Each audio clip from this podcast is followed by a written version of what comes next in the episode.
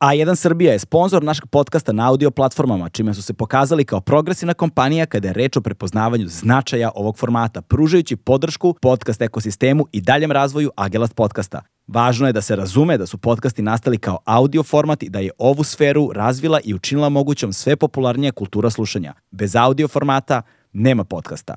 Veliki pozdrav svima šalje ekipa iz Šteka, najopremljenijeg i najvećeg CBD head shopa u ovom delu Evrope. Od nedavno u okviru Šteka postoji deo koji radi od 0 do 24 gde možete kupiti CBD headove, blantove, mrvilice i ostalo. Zlazla.com brand već 20 godina pruža podršku svim zaljubljenicima u kanabis kulturu.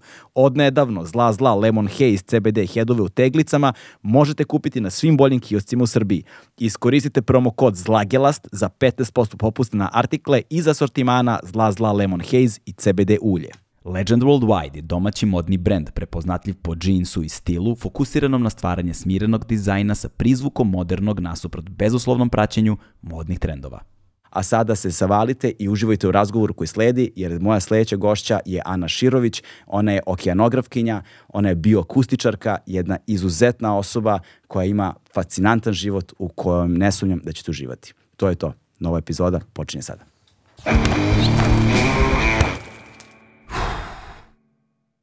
Hmm.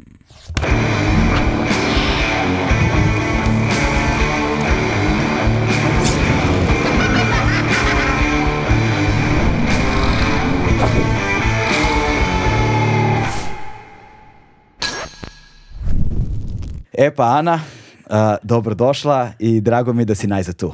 Hvala također. ovaj zaista hvala ti puno što si se odazvala pozivu i što si se potrudila i prevalila toliki put ovaj, da, se, da budeš ovde i na kraju si i u, ni u tobu sela jer su, ovaj, jer avionske karte propale, ali ono, neizmjerno sam zahvalan. Evo, tu sam i vrlo mi je drago da sam tu. Ovaj, uh, hajde odmah da se bacimo na priču. ti se baviš nečime što, o čemu nisam znao ništa dok te nisam prvi put video. Ovaj, a doćemo i do te teme kada i kako sam te prvi put video i kako smo stupili u kontakt, što je isto zanimljivo.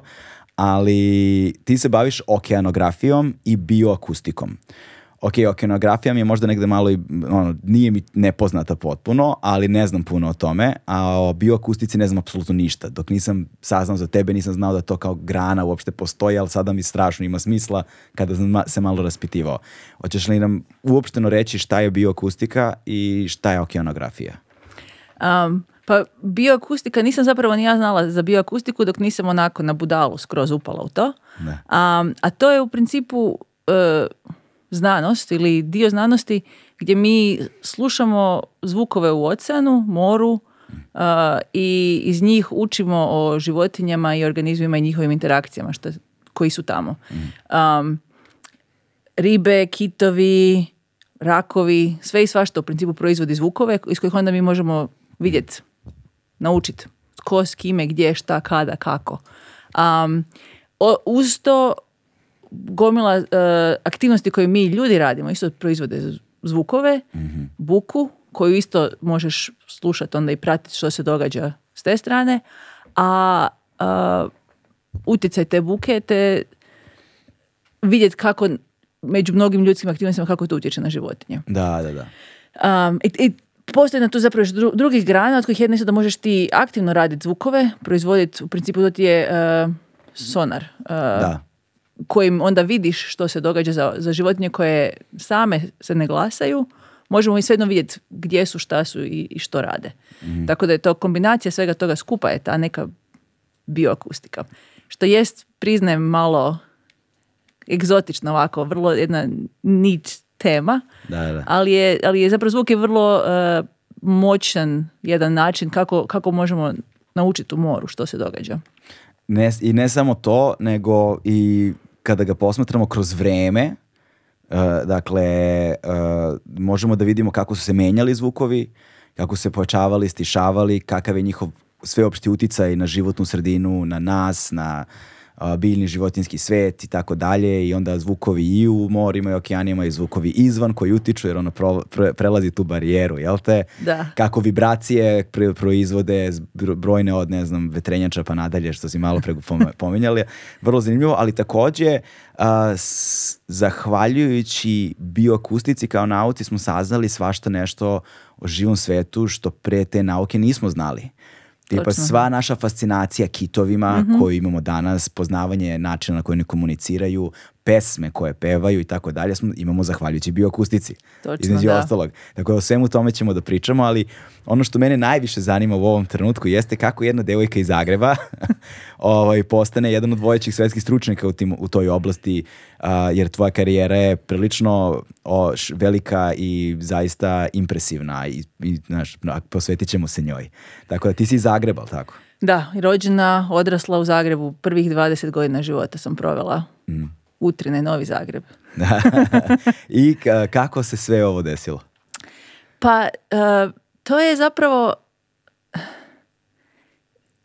u jednu ruku je bilo gomila ovako sretnih okolnosti i s druge strane nešto što sam ja htjela. Ja sam, mene, ja mislim, pokušala sam sjetiti, mislim da od negdje sedme, osme godine mene moj tata bi redovito pitao a šta ćeš ti biti kad narasteš? Da, I to mi je uvijek bilo, oj, ono, tata ne znam. A, ali, ali sam razmišljala. Dobro, ono, trebam mu dati neki odgovor, ne mogu reći ne znam. I, I zapravo, sjećam se točno, imala sam 13 godina kad sam shvatila da e, postoji nešto se zove oceanografija. I ja sam, mi smo, uh, e, sam odrasla sam u Zagrebu, ali mi smo uvijek ljetovali na moru, na Jadranu. Uh, e, 84. su starci kupili nekakvu zemlju, počeli su graditi nekakvu kuću u, u selu jednom kraj Trogira i tamo su one svako ljeto. Ono, od kad završi škola pa dok ne počne škola, šalju te kuća, na more. Kuća na moru, san svakoga od nas ovdje, čini mi se. e, i, i to je bio moj san u principu, ljeti ići na more i meni je to bilo nešto fantastično. Iako, iako zapravo naše more, to celo Marina je ovako zaljev jedan u kojem ti imaš više osjećaj na jezeru nego, nego na moru, ali meni je to bilo fascinantno i da, izvini, zatvori vrata samo, molim ti, za tebe. E, ako nešto laje tamo iza. Da, učinu mi se kao neki psi laju. Ja sam isto čula nekakav laviš. Da, e, izvini, nastavi. Um, Jesu psi u hodniku laju. A, aha, nastavi, nastavi, um, i, i, zapravo sam ona shvatila da postoji nešto zove ocenografija s čime bi ja ono, mogla istraživati more. I to mi je zvučalo kao nešto mm. cool, nešto što bih ja htjela. Ali nisam zapravo pojma imala šta to znači, niti što test, ali i, i, ta moja prva ideja o je bila e, fizička nekako, vezana uz fiziku. Mm. I to mi je bilo super zbog mora, ali možda malo manje super zbog fizike, ni, nisam baš znala točno šta bi to bilo. A onda, onda kroz, ne znam, vrijeme, u sljedećih par mjeseci ili godina, ne znam. A čekaj, što, što i kako fizika, nisam razumio? Pa, e, ta, e, kako se morske vode kreću i mm. struje i, i takve nekakve stvari. To je bila neka moja prva ideja što je oceanografija. To u principu, mislim, to je jedno područje, e, ta fizička oceanografija, gdje učiš o, istražuješ dinamiku morskih voda i oceana. Ok. Um, Samo što će prođe i psi. Su prošli izgleda ili samo ih nema dok mi ne pričamo. Da, da, hajde. da, to, to, to, je verovatno naša sreća, ali nastavi, molim te, izvini. E, i onda sam nekako usvetila zapravo ne moram ja e, se baš baviti tim nekim fizičkim dijelovima, ono koliko, koliko je slano more ili koja je temperatura, nego da, da mogu sudirati životinje koje žive u mm. moru. I to mi je bilo, to je bilo to. Um, ali onda zapravo kroz te, to je, da kažem, 13 godina. I sad ono, standardno, osnovna, srednja škola. ja sam zapravo kroz sve te godine imala neke ono loše profesore biologije i, mm. i pokušavala sam se dovinuti kako ću ja, ono, kako, kako ću ja se baviti biologijom kad je ono, ta biologija dosadna u principu. I, I zapravo tek mi je u trećem razredu srednje, kad sam e, krenula, išla sam u međunarodnu e, maturu, e, International Baccalaureate program koji je bio tada. Gdje je to? U Zagrebu je to bilo. Da, da, u, u srednjoj školi, u 15. gimnaziji je bio te zadnje dvije godine e, srednje, si mogao ići u taj međunarodnu maturu. I tamo sam zapravo prvi put imala učiteljicu biologije koja je bila cool. I koja je ono, doživljavala tu biologiju kao nešto više od toga što trebaš trebat. Koliko je to važno čoveč? Koliko um. je to važno? Meni, znaš, jako mi je drago da si nekako kroz te dosadne, suvoparne i koje kakve nastavnike pre toga ipak progurala i održala se u želji i ambiciji. Jer ja sam recimo bio strahovit zaljubljenik u biologiju, ali u petom razredu kad je došla biologičarka koju smo imali i ne znam koliko generacija pre i posle mene, ubila je svaku želju u meni da s daljim bavljenjem biologijom. Ono.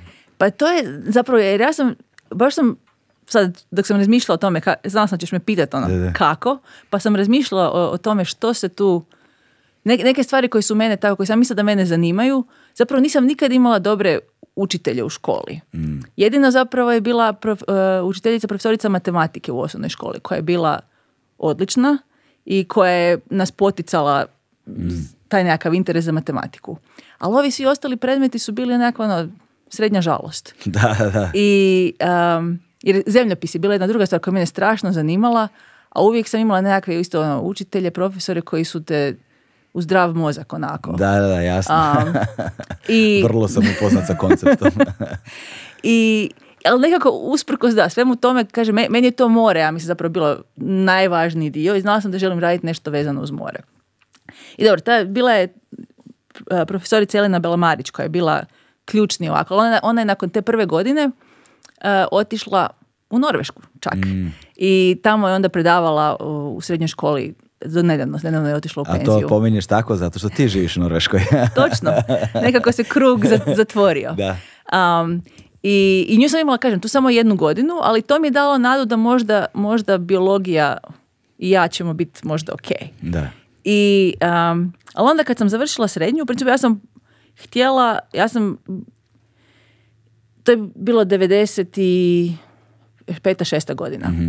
I, I tad ja nisam bila nekakvu mogućnost da u Hrvatskoj se ja bavim znanošću. To nije bila nekakva karijera s kojom ćeš ti sad moći živjeti. Iz moje nekakve perspektive.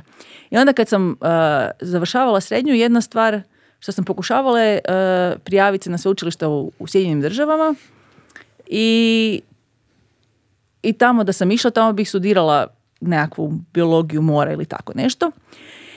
Ili ako sam ostala u Hrvatskoj, to mi nije bilo baš neka opcija, nego sam onda odlučila da ću ići na uh, uh, et, uh, FER, fakultet elektrotehnike i računarstva. Ok, ok, ok. E. I... Ali nije baš nepovezano s ovime zapravo, ali dobro.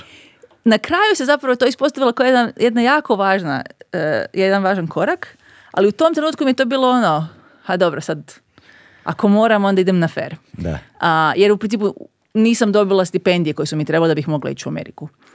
I dvije godine sam odradila na feru uh, i nakon te dvije godine zapravo se onda pojavila druga mogućnost da ipak mogu se preseliti na sveučilište neko u, u Americi.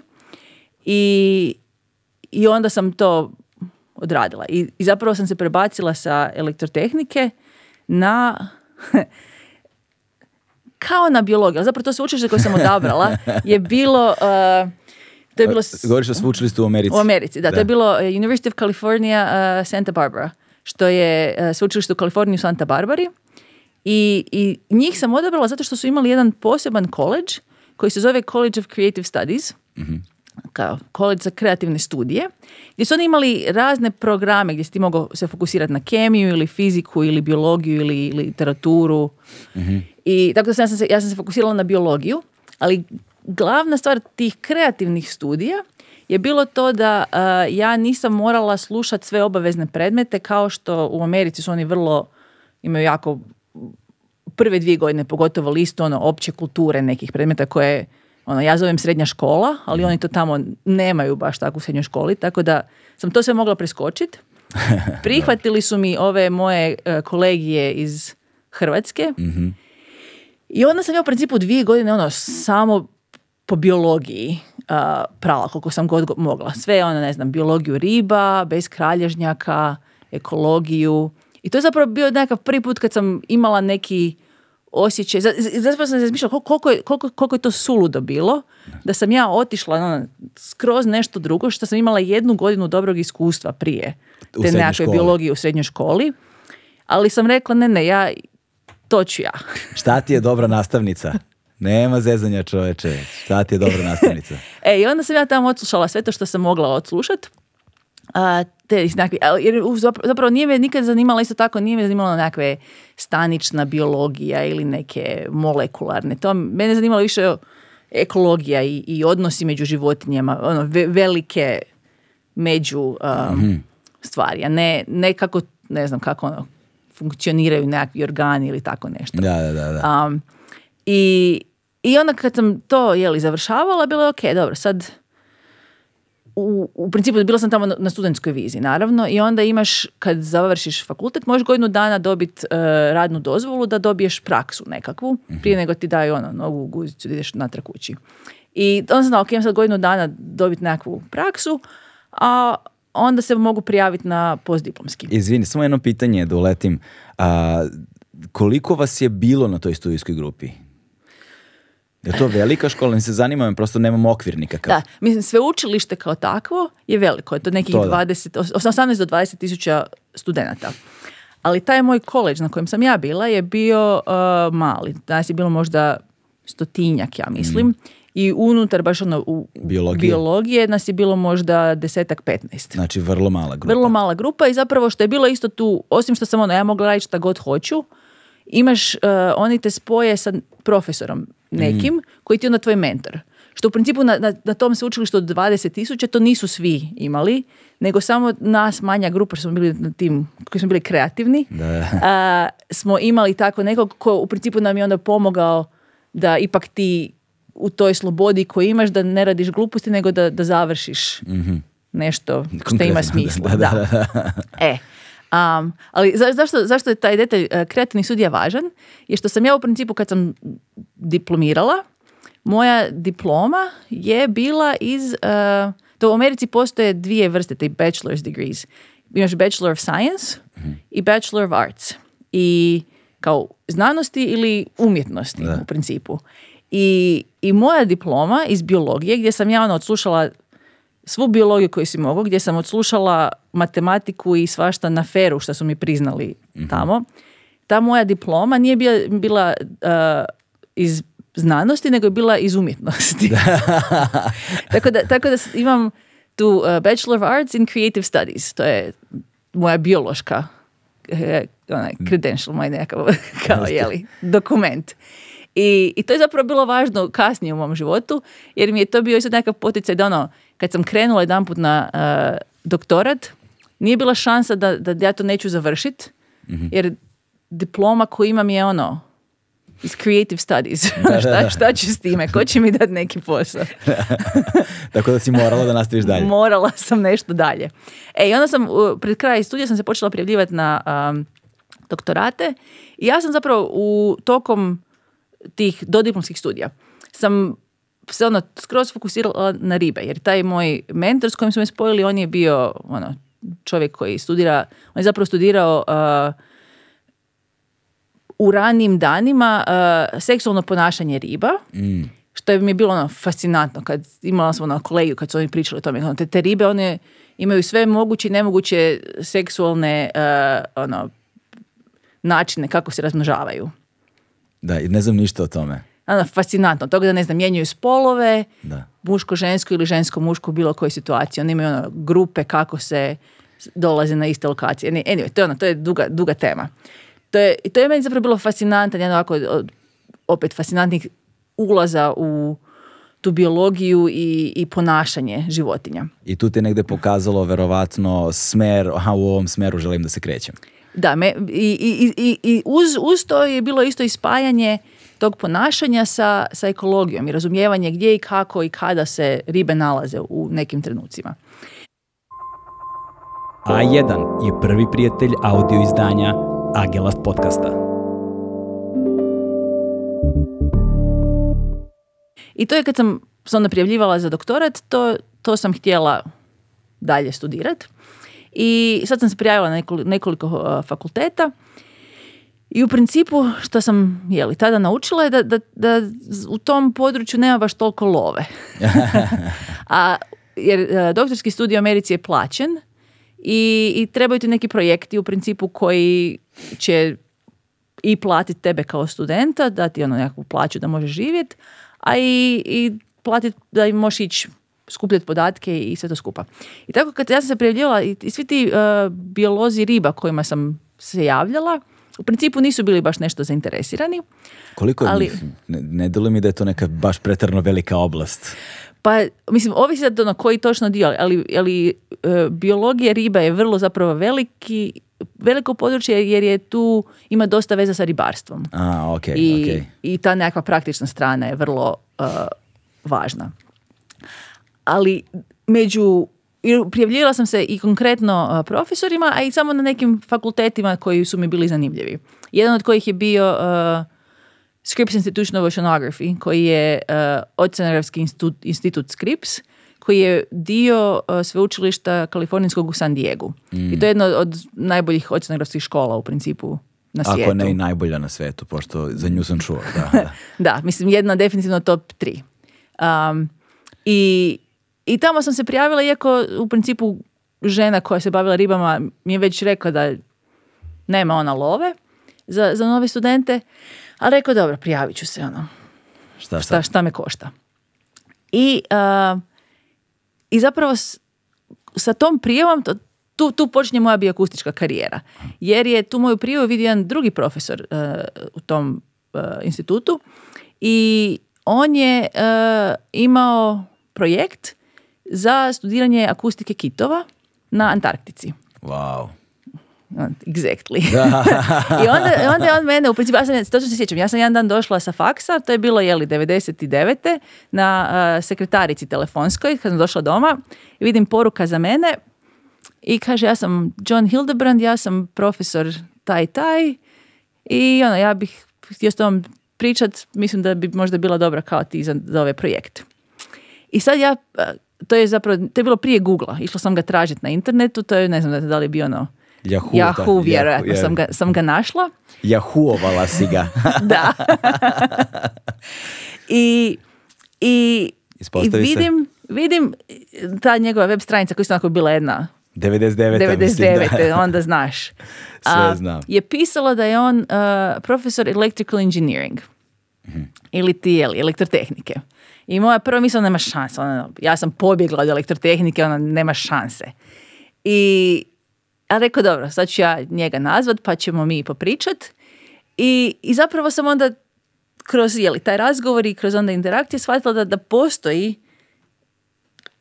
nekim divnim čudom način da ja spojim to moje eh, elektrotehničko neko iskustvo koje sam imala i taj interes za, biologiju. Mm. I, I to mi se činilo da bi to ono moglo biti cool.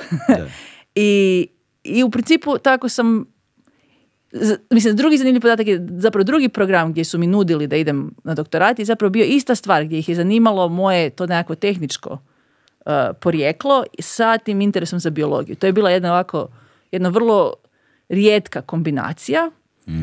koja se meni posrećila u principu ono da, sasvim ali koja je dakle bila ključna za taj nekakav onda smjer.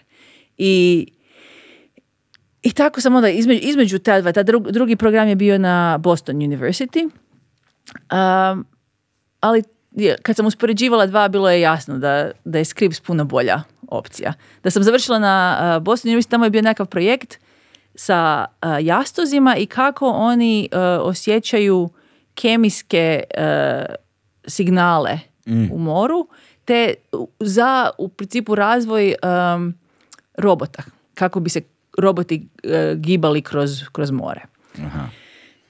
Što je isto ono cool, ali je vrlo druga vrsta. Da, Ovo mi je bilo, jel... De, meni je to značajno manje cool nego otići na Antartik sa kitovima, znaš, ipak je da, slažem se, slažem sa, se. Sa time odrastaš gledajući na TV-u, znaš, i na internet ono BBC, ono Planet Earth, to gledaš, znaš, ne gledam baš jastozi, robotika, je vrlo, vrlo specifična niša. Da, jedna i druga, ali, ali, slažem se, mislim, kad, kad ljudi, ono, imam, imam puno kolega koji su jeli, biolozi morski i svi oni će reći kao, ma da, jesam, ali ono, ja, ja ne, ne, ne bavim se kitovima i delfinima. Da. Jer, jer to znaju da to u principu na ono, to sva djeca žele. Da, da, Ali eto, ja, ja sam nekako završila upravo u, tome. Ja sam ta koja se bavi kitovima. I delfinima. Manje delfinima, ali, ali da. ali kitovima. I, da. I kako se John Hill... John Hildebrand.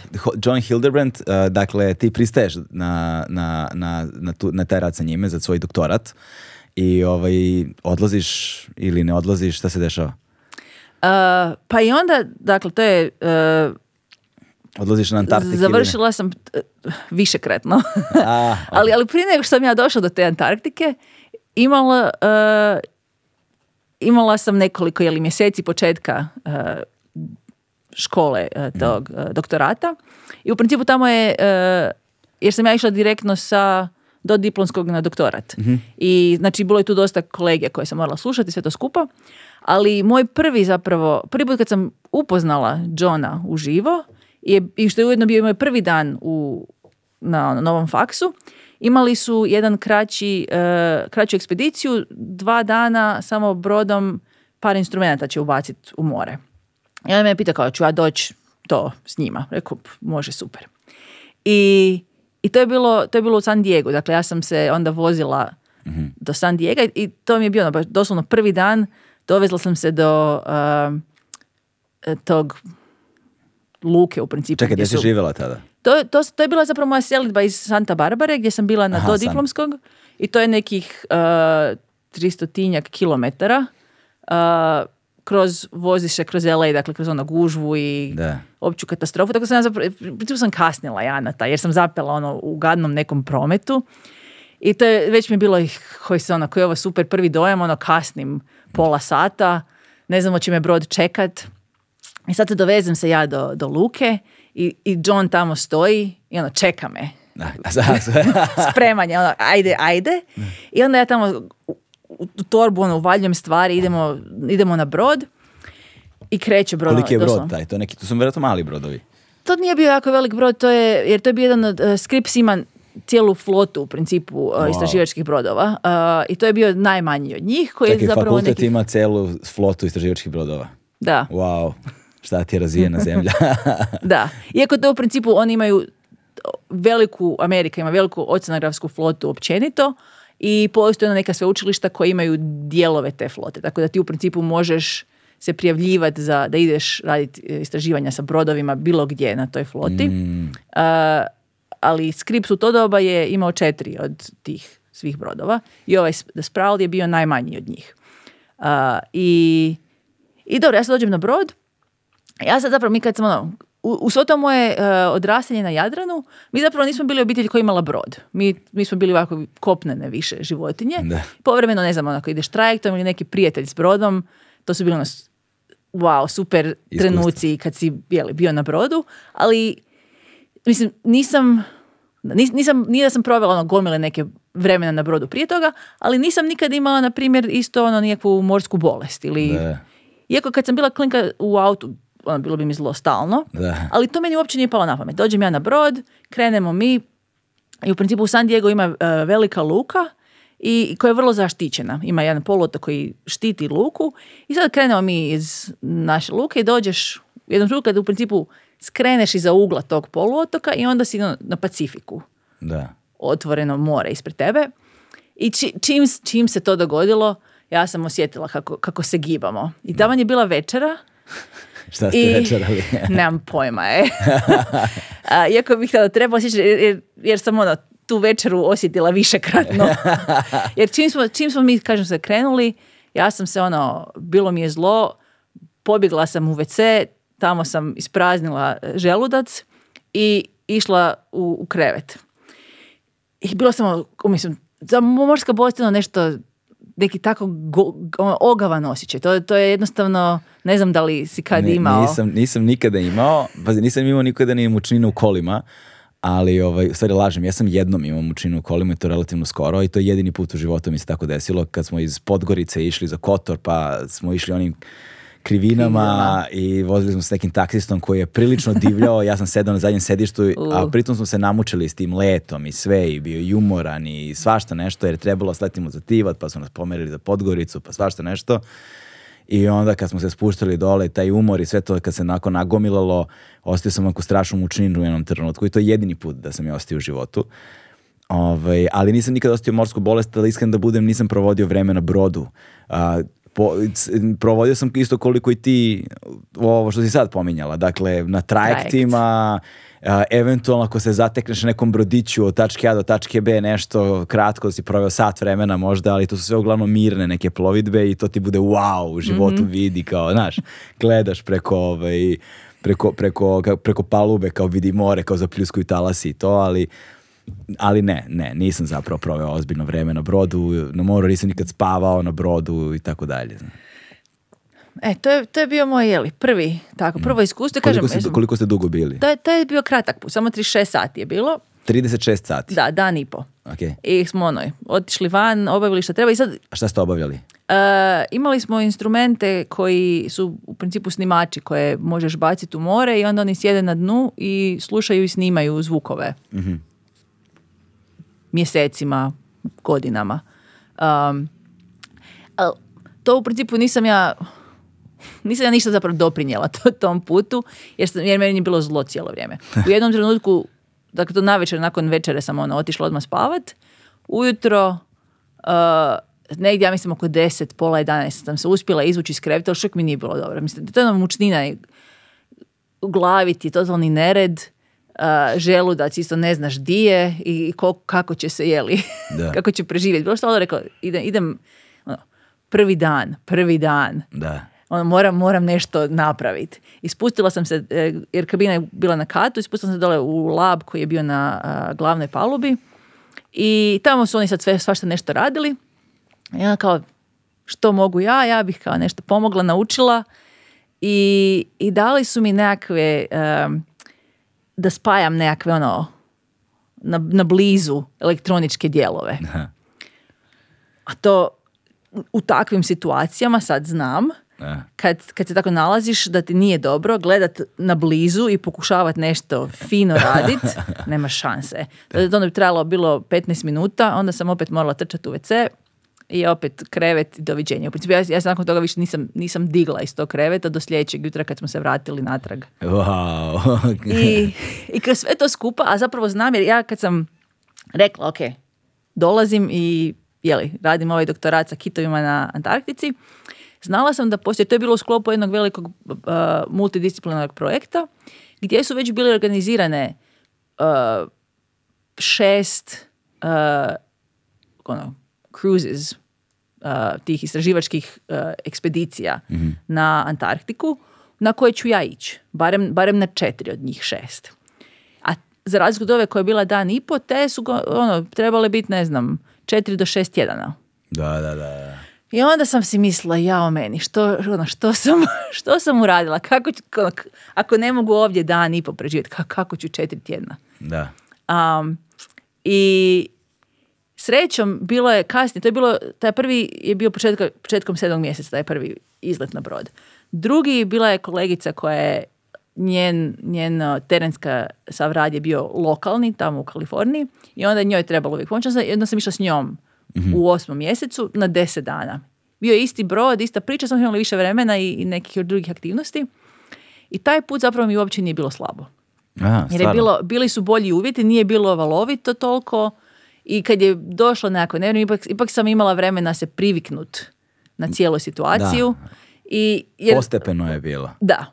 tako da ono, nakon, nakon tih deset dana bilo, ok, možda, možda ću preživjeti. možda ipak ima neke šanse. Mo- možda ima šanse za mene. Da. I, i mislim, kroz, kroz sve te eh, ekspedicije koje sam imala na Antarktiku, bila je, bilo je tu gra, gadnih oluja i, bilo je meni slabo, i, ali, ali u principu se naučiš kako se kako se nositi time, koje mm. ono, koje e, tablete koje imaju ovakve e, kao flaster koji možeš staviti za uha, koji ti u principu lagano daje nekakvu dozu koja ti smiruje. Čega? Šta ti daje? Ja to ne znam uopšte. Pa e, to je u principu flaster i ta substanca se zove, sad se ne mogu sjetit, skopolamin. A skopolamin? Stvarno? Da. Wow koji je, ja lagani psihodelik. Ja, nije lagan, on uopšte psihodelik, ja da ti kažem. pa ne, jer zapravo to, to dobiješ na recept, ne možeš to tek tako. I, i, u principu ti lagano, eh, tokom tri dana ti lagano kao ispušta. Wow, nisam eh, znao da se skopolamin, skopolamin zapravo koristi za te stvari.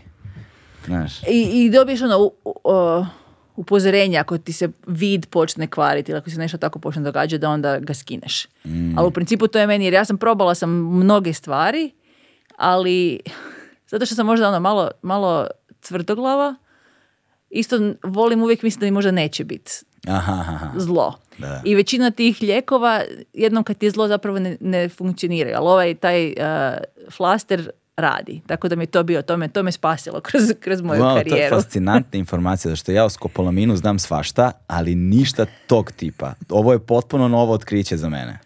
Potpuno fascinantno. Da. Njega zovu djavoli dah u Latinskoj Americi jer se koristi za svakakve stvari. I ono, ljudi su uglavnom sjećaju šta su radili, potpuno, ne samo što je nešto je ono psihoaktivno i psihodelično iskustvo, nego i postojena distorzija u karakteru, u ponašanju i može da se desi, vrlo je opasan zdravstveno takođe. Pa znači, pa kažem, to je, to je u principu ona jedina, ja mislim, e, kod... uh, nekakav e, što sam dobila na recept ove lijek, da. s kojim sam dobila s takvim ono, uputama što i kako. kažem, srećom ja, ja zapravo, i, i pretpostavljam to puno niža doza od pa, to je beskreno niža doza. Recimo, ja mislim, sad nisam siguran u kojem je atropin beladona, u kojem je skopolamin, ali mislim da je, da kod nas poznate kao bunika biljka čiji aktivni sastojak skopolamin. Čini mi se da je bunika kod nas. Ali ne, treba ne to. Evo, nek progugla neko od vas, ali mislim da je bunika kod nas. Ono, I onda, znaš, ima on kad su na majke govorile, šta je te sine si jeo bunike? Na to smislu. da, da, da, Kad se nenormalno. to u Americi zapravo možeš dobiti na recept, ali, ali nisam sigurna da u Europi to možeš dobiti na recept. Tako da sad zapravo mi, eh, imam još jedan, samo jedan mi je preostao iz moje eh, eh, kolekcije I, i baš sam nedavno razmišljala ako ću imati neke dulje puteve brodom kako ću doći. jer, jer je zapravo, mislim, taj osjećaj ono, morske e, bolesti stvarno, stvarno nešto ono najgore. Imala sam imala sam ono dane gdje na Antarktici gdje sam, gdje sam radila istraživanje, to je zapravo dio Antarktike koji zove Zapadna Antarktička, uh, e, Zapadni Antarktički poluotok, koji je drito na jugo južno vrha Južne Amerike, mm vrha, dakle Čile, Argentina. I taj prolaz između e, ta dva kontinenta se zove Drakeov prolaz, koji je poznat kao jedan od najgorih e, dijelova svjetskih mora po pitanju oluja nevremena i vjetrova i sve to skupa. Da, upo, upoznat sam s njime zato što se toliko o tome pisalo i govorilo i snimalo i svašta nešto. I imaju fascinanti fenomeni drveća ka, ka na koje... Ima, ima jedan dokumentarni serijal kad su pokušali da nađu najjužnije moguće drvo koje raste Aha. i način kako raste i kako prilazi tamo i svašta nešto ima. Vrlo zanimljivo već s time, da. E, ali, ali dakle, i, i prešla sam ono kroz taj prolaz višekratno i, i nekad je bilo ono, ko, da si na jezeru, ono, glatko, prekrasno. A bilo je i prelaza kad tri dana nisam izlazila iz kabine jer mi je bilo totalno zlo. Wow. Što su mi kasnije rekli da ne znam, smo imali valove od 8 do 10 metara, što mi sad žao što nisam u principu ono bilo u stanju ići to vidjet. Da, da. Jer je to mm, ono, nezamislivo. Ali, e, ali nisam bila u stanju se maknuti Ali kako li je kapetanima koji upravljaju tim brodovima? To mi je ludilo. Da. Znači te koji su to majstori. Koje, koje je to ono ne, nevjerojatno. Sposobnost, kontrola, kontrola, razumevanje mora, okeana, sve. Nevjerojatni ljudi. mm ljudi. I kakvi su ti brodovi na kojima si... Ajde, mislim da ne preskačemo, sve me zanima. Ovo je, dakle, ti flasteri sa skopolaminom. A šta su druge tablete neke, vjerojatno? Ma tablete razne, da imaš, ne znam, Dramamin ili takve da. nekakve. Um, ali, kažem, to, to trebaš popiti prije nego što ti pozlije. A, kao preventivno. da, jednom kad ti je zlo, onda to, to više ti neće ništa. E, ja obično čekam da mi pozli, jer ne, možda ovaj put neće. da, tvrdoglava. da. Tvrdoglava, da. Ali dobro, znaš, ima i logike u tome, jer ipak to ti je poziv nekakav, valjda. Jel postoji nekakva habituacija, nekako navikavanje uh, vremenom da ti kao sad mi više ne treba ili ako od prvi dan osjetiš mučninu, to znači ćeš uvek osjetiti mučninu. Ovisi kako kome. Jer ima ljudi koji ono doslovno ne mogu. Ja sam bila na jednoj ekspediciji koja je zapravo bila meni, to je bilo 7 tjedna, ja ni jedan put mi nije bilo zlo, jer je bilo i brod je bio jako stabilan i uvjeti nisu bili tako loši. Bila je jedna e, žena s nama, ona jednostavno njoj cijelih sedam tjedana bilo loše. Jo, kakav život užasan. Ono, ono. Užas, užas, užas. Upravo, mislim, ja kažem, srećom, meni, meni bi ono, dođe i prođe. Da. E, nekad budem na cijeloj ekspediciji, da mi uopće ne bude zlo. A točno ono kada i kako i zašto ne znam. Jer, jer kažem, prošla sam kroz oluje kad mi nije bilo slabo, a nekad si i na manjim nekima koji, koji ti poznaju. Mislim, ima to veze i s brodom i kako se brod giba i sve to skupa. Da. Ali mislim da ima i nekakve vjerojatno ono, kako se ti osjećaš i u kojoj si ti mm. nekakvom, ne znam, psihofizičkom stanju. Pa da, da vjerojatno to sve skupa nekako eh, se spaja. Da. A reci mi sad, Ta prvo putovanje kad ste išli tih 36 sati, Ovaj, ti bile jedi, koliko, vas je bilo na brodu, to je prvo? To je, eh, ha, taj brod je nekih, ja mislim, 25 metara, 30 metara možda, nije jako velik i stane uh, eh, 10 do 11 znanstvenika na njega. Mhm. I mislim da smo zapravo vjerojatno bili više manje puni, mhm. jer tu je bio moj, eh, moj mentor, bila je ta kolegica čiji je to zapravo bio projekt i sjećam se još bio je i jedan bivši student mhm. mog mentora koji je zapravo napisao bio projekt uh, i dobio uh, lovu za taj projekt na Antarktici. Mhm. I s njim sam onda ja kasnije isto išla na ekspedicije. I to je, to isto bilo ono, pred, njima obojicom. Znamo, idem s njima dalje, mislim si, o meni je. e, a jesi bila jedina u toj ekipi koja je imala morsku bolest mislim da jesam, jer sam zapravo bila jedna koja je to bio prvi put i koja nije bila uopće spremna. Jesu te I, pa zapravo nisu, bili su svi vrlo, jer, jer, jer svi u nekom trenutku prođu kroz to i znaš koliko je grozno. Da, ali oni I... dolaze odavde, nabavi ovdje je bila prva fora, te zezamo, znaš ka? Točno, ali zapravo, jer postoji, mislim i postoji dosta i takvih ono, zezanja i, i zezancije, ali, ali mislim da sa, sa morskom bolišću je zapravo uh, solidarnost. Da, svi znaju koliko je to gadno. Da, da, da, da, jasno, I da, da su zapravo ono, vrlo su brižni svi oko toga. To je I ja znam da sam ja sad tako sa, sa studentima. Da im ono, prvo im kažeš sve što trebaju i na što da se pripreme, ali onda isto kad, kad im pozli, onda im kažeš ono, it's okay, odi, odi odmori, lezi, spavaj, nemoj se brinut, ono, it's okay. Da, da, Jer... da. Šta ćeš, takva je situacija. Da. Dobro, dakle, onda si bila, koliko si rekla da si bila s ovom prijateljicom kada si e, pre Antarktika? Ha, to je bilo deset dana. Deset, deset dana, mm, dobro. I šta ste radile vas dve?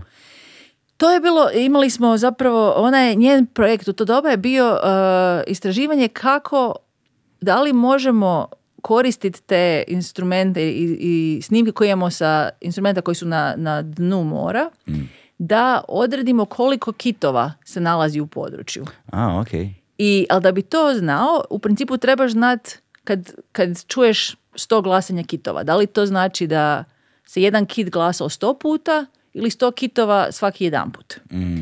I jedan od načina da bi probao doći do te nekakve informacije, koliko, često se u principu kitovi glasaju, je e, da možeš e, staviti, postoji druga vrsta instrumenta kojima se služimo, su Uh, acoustic tags. mm Akustičke tags, ne znam, ne, ne mogu pa se kako bi se to reklo. u principu ovako komad jedan ono, uh, instrumenta koji zaljepiš na leđa kita. Mhm. I onda skupljaš podatke o, dubini koliko roni, kakva je pozicija tijela, uh, to on, kako se giba kit, a imaš isto i, i snimača zvuka na, na tome. Znači, čekaj, šta ste vas sve radile? Se stavljale tegove?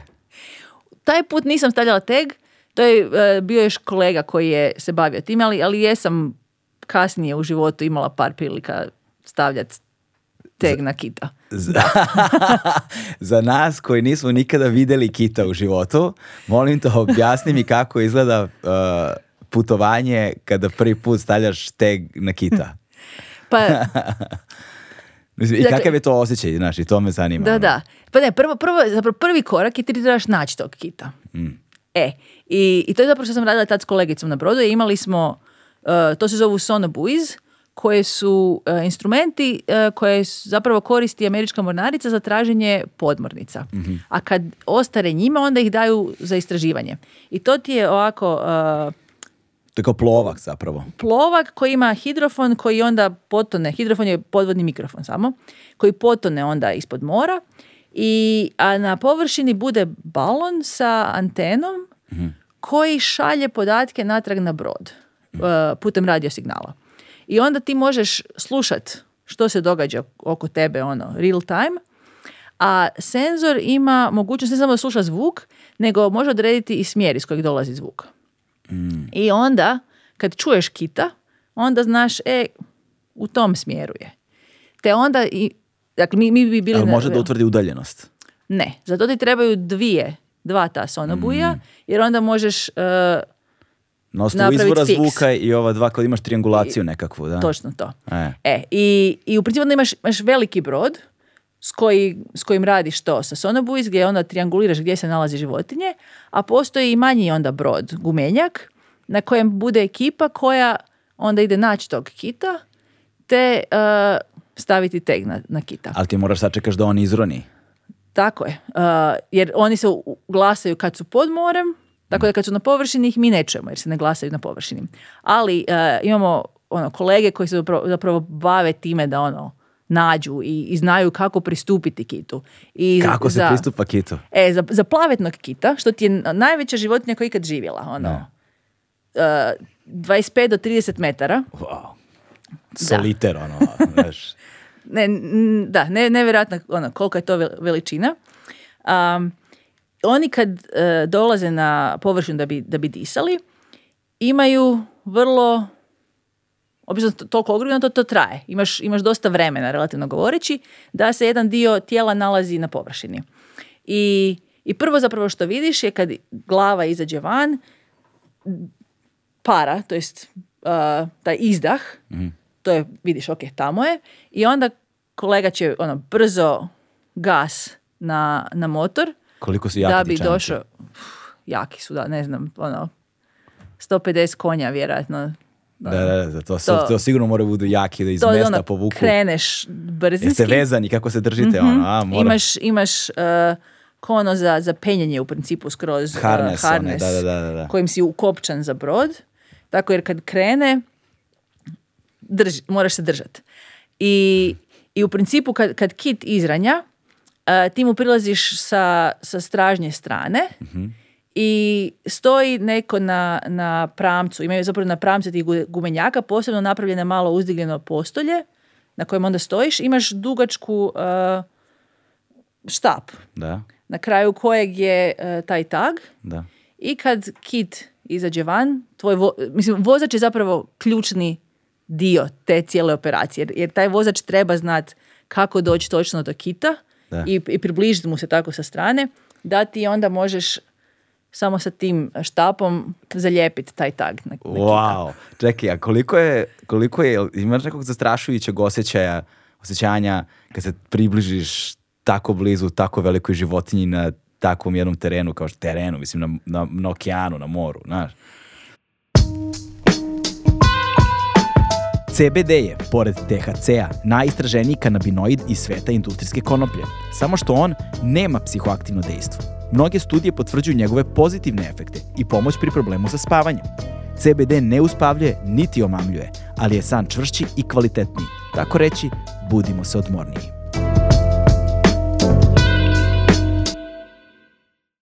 Zapravo to ovisi o vrsti, jer, ti jako različito reagiraju. Mhm. Za te plavetne kitove, oni su vrlo onako, njih boli briga u principu što smo mi tamo i nisam ja zapravo nisam nikada htjela da ono reagiraju nekako snažno. Mhm. Njima naj, najviše će napraviti da će ti možda malo ranije zaronit. Da.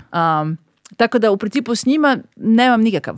Sa ovim kit, kitovima grbavcima, sa mm humpback whales, oni su dosta nepredvidivi. Oni, se znaju, oni znaju biti ono čangrizavi. Da. I, i biti nezadovoljni što si ti u blizini, znači ti to ukazat će ti da, da ne trebaš biti tu otprilike. Kako to urade? Um, pa da se, mislim, naglo se u principu okrenu nekako ili, ili će im peraja nekako odletiti ili nešto tako će se dogoditi gdje vidiš da nagli pokret znači da ono, nije dobro. trebaš, trebaš ih pustiti I odustane, na miru. odustanete tada, u tom trenutku se odustaja, previše rizično. Da, u tom trenutku ne idemo Jesi imala neki incident, ne, neki... I zapravo te ja zbacio nekada neki kit u more. nisam nikad imala, mislim, jer u principu moje iskustva sa tagiranjem su bila samo sa plavetnim kitovima. Nisam nikad tagirala te grbavce. Bila sam u, blizini kad smo neke druge stvari. Druga stvar što isto znamo raditi je uh, uzimati biopsije, mm. male uzorke tkiva, gdje u principu ih gađaš sa samostrelom koji ima strelica na, na kraju kojeg je šuplji dio mhm. i onda izvučeš e, dio, dio sala i, i kože. Mhm a, bila sam više blizu e, grbavaca u takvim situacijama su ih gađali samostalno, ali to ne moraš biti toliko blizu. To možeš ipak sa nekakvih, ne znam, 5-6 metara raditi. Ali ovo mora to. da bude neposredna blizina. To je, da, kad, kad ih ono, tagiraš, to si ono... Kakav je osjećaj kada si tako neposredno blizu toliko velikoj životinji? Mislim, to je zapravo teško to pisat jer e, u, tom, u tom trenutku kad, kad pokušavaš, Da si toliko fokusiran na tu činjenicu da zapravo zaboraviš proporcije svega, jer si fokusiran na mali dio leđa na koji treba staviti taj tag. Um, i, zapravo, kad si na malom brodu, meni zapravo nisam nikad imala dobar dojam e, veličine te, jer, jer u svakom trenutku imaš samo mali dio kita da. koji vidiš. Um, nekako ih je čak bolje vidjeti iz daljine kad, kad imaš taj cijelu perspektivu koliko to dugo ta leđa se pojavljuju i pojavljuju i pojavljuju i pojavljuju. Jer, um, ali, ali mislim, znaš da je nešto ogromno, ali nemaš, nemaš baš pravu, kažem, kad, kad, si, kad, kad si toliko blizu, je... Izgubiš perspektivu. izgubiš perspektivu u neku ruku. Iako, znaš ono, znaš kognitivno da je tu sad ogromna životinja ali, ali možda isto ne znam, možda i ne razmišljaš o tome jer bi možda se ono prepao malo previše, ako si svjesan. Jer ti brodovi, ti mali ono, gumenjaci na kojima mi to radimo, to je ne znam, šest metara brod. Da. Znači ova životinja je pet puta veća od tebe. Da, da, na tom od brodu. broda, od, tebe. Na, od tebe na tom brodu, da. Tako da je stvarno je to ono neka sasvim nerazumljiva perspektiva u neku ruku. a te tagove, ovaj, koliko neuspješnih postavljanja ima? Se to relativno često dešava? pa, mislim, neuspješno. Imaš, uh, znati se da ono, jednostavno kit i brod se ne sinkroniziraju dovoljno dobro da, da ne uspiješ mhm. ga uopće staviti. Um, jednom kad ga uspiješ postaviti, uglavnom će ostati. Samo pitanje da li, da li će, ne znam, ostati A kako se, čime se on kači? na, koji način on ostaje na kitu? Ima, eh, ima nekoliko drugih načina na koji se može, ali u što smo mi u, principu koristili dugo vremena su um, suction cups. Ok, ok. Eh, Kao vakum se napravi i zakači se na e, njega. Mm. Točno. I, I ti A zapravo... oni čvrsto stoje, kao neće da se odvoje, bez obzira na pokrete, na vodene, podvodne struje, na dubine, ne znam kako dubina utiče na to uopšte. U principu kad napraviš vakum, ako, ako, dobro, dakle, ako ga dobro ono, zakeljiš, onda, onda stoji i može, ali na, s tim načinom najdulje što su uspjeli, ja mislim, na plavetnim kitovima, na primjer, da se zalijepe, je bilo negdje do 16-17 sati. Mm. Jer druga stvar je zapravo, kitovi e, jako puno se ljušte. Njima se koža ono stalno uh, Ono. Pa peruta, ne znam kako bih da, rekao. Peruta, možda bi to bila dobra riječ. I tako da u principu će ti i djelomično vjerojatno i zbog toga se mm. neko, nekog vremena će otpast, jednostavno će se koža odljepit. ali to je onda zapravo isto korisno jer, jer dio te kože će biti na, na tom priljepku, na tom mm. suction cupu i onda možeš iz toga isto genetske informacije, na primjer, o kitu dostati. Aha, znači vi te tagove posle prikupljate ponovo kada otpadnu. E, znači imate one, šalju neki signal, vi ih locirate, idete po njih. Je li to skup deo opreme ili... Da je.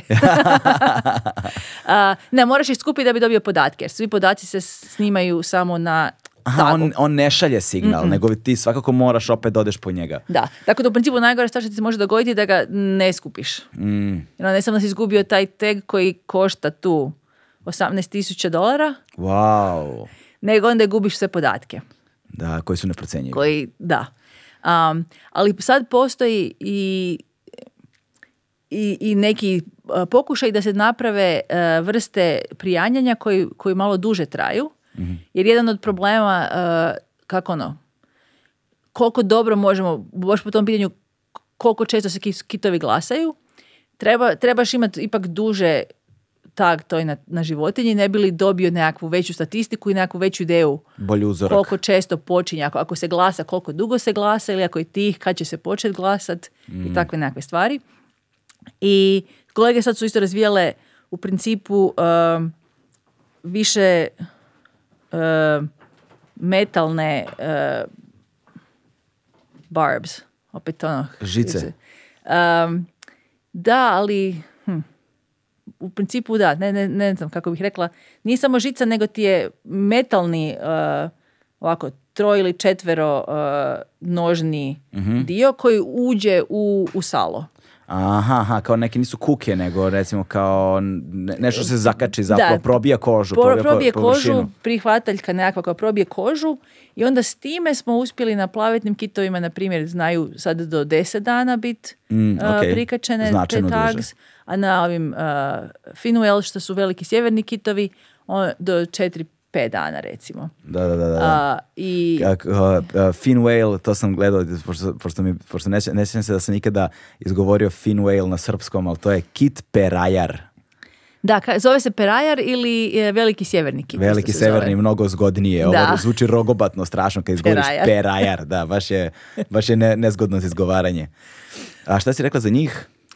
Na njima su kraće, njima jedno četiri Četiri, pet dana samo U čemu je razlika? Zbog čega? Zbog ponašanja ili?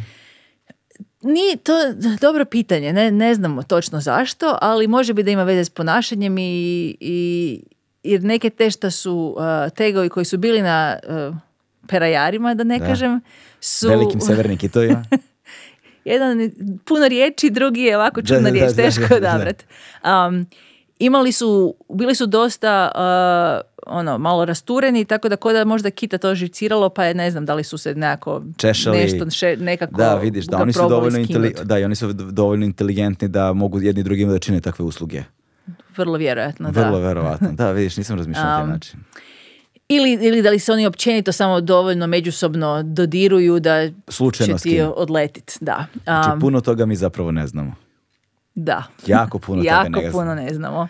Što je zapravo jedna od, od um, ne znam, meni uzbudljivih i fascinantnih stvari, da što više učimo o svemu tome skupa, shvaćaš zapravo koliko malo znaš. Da, da, da. da. I nekakva osnovna razlika. Jer postoji osim akustike morske, što, čime se ja bavim, postoji bioakustika uh, zemaljska, ona. Ono, mhm. e, kopnena.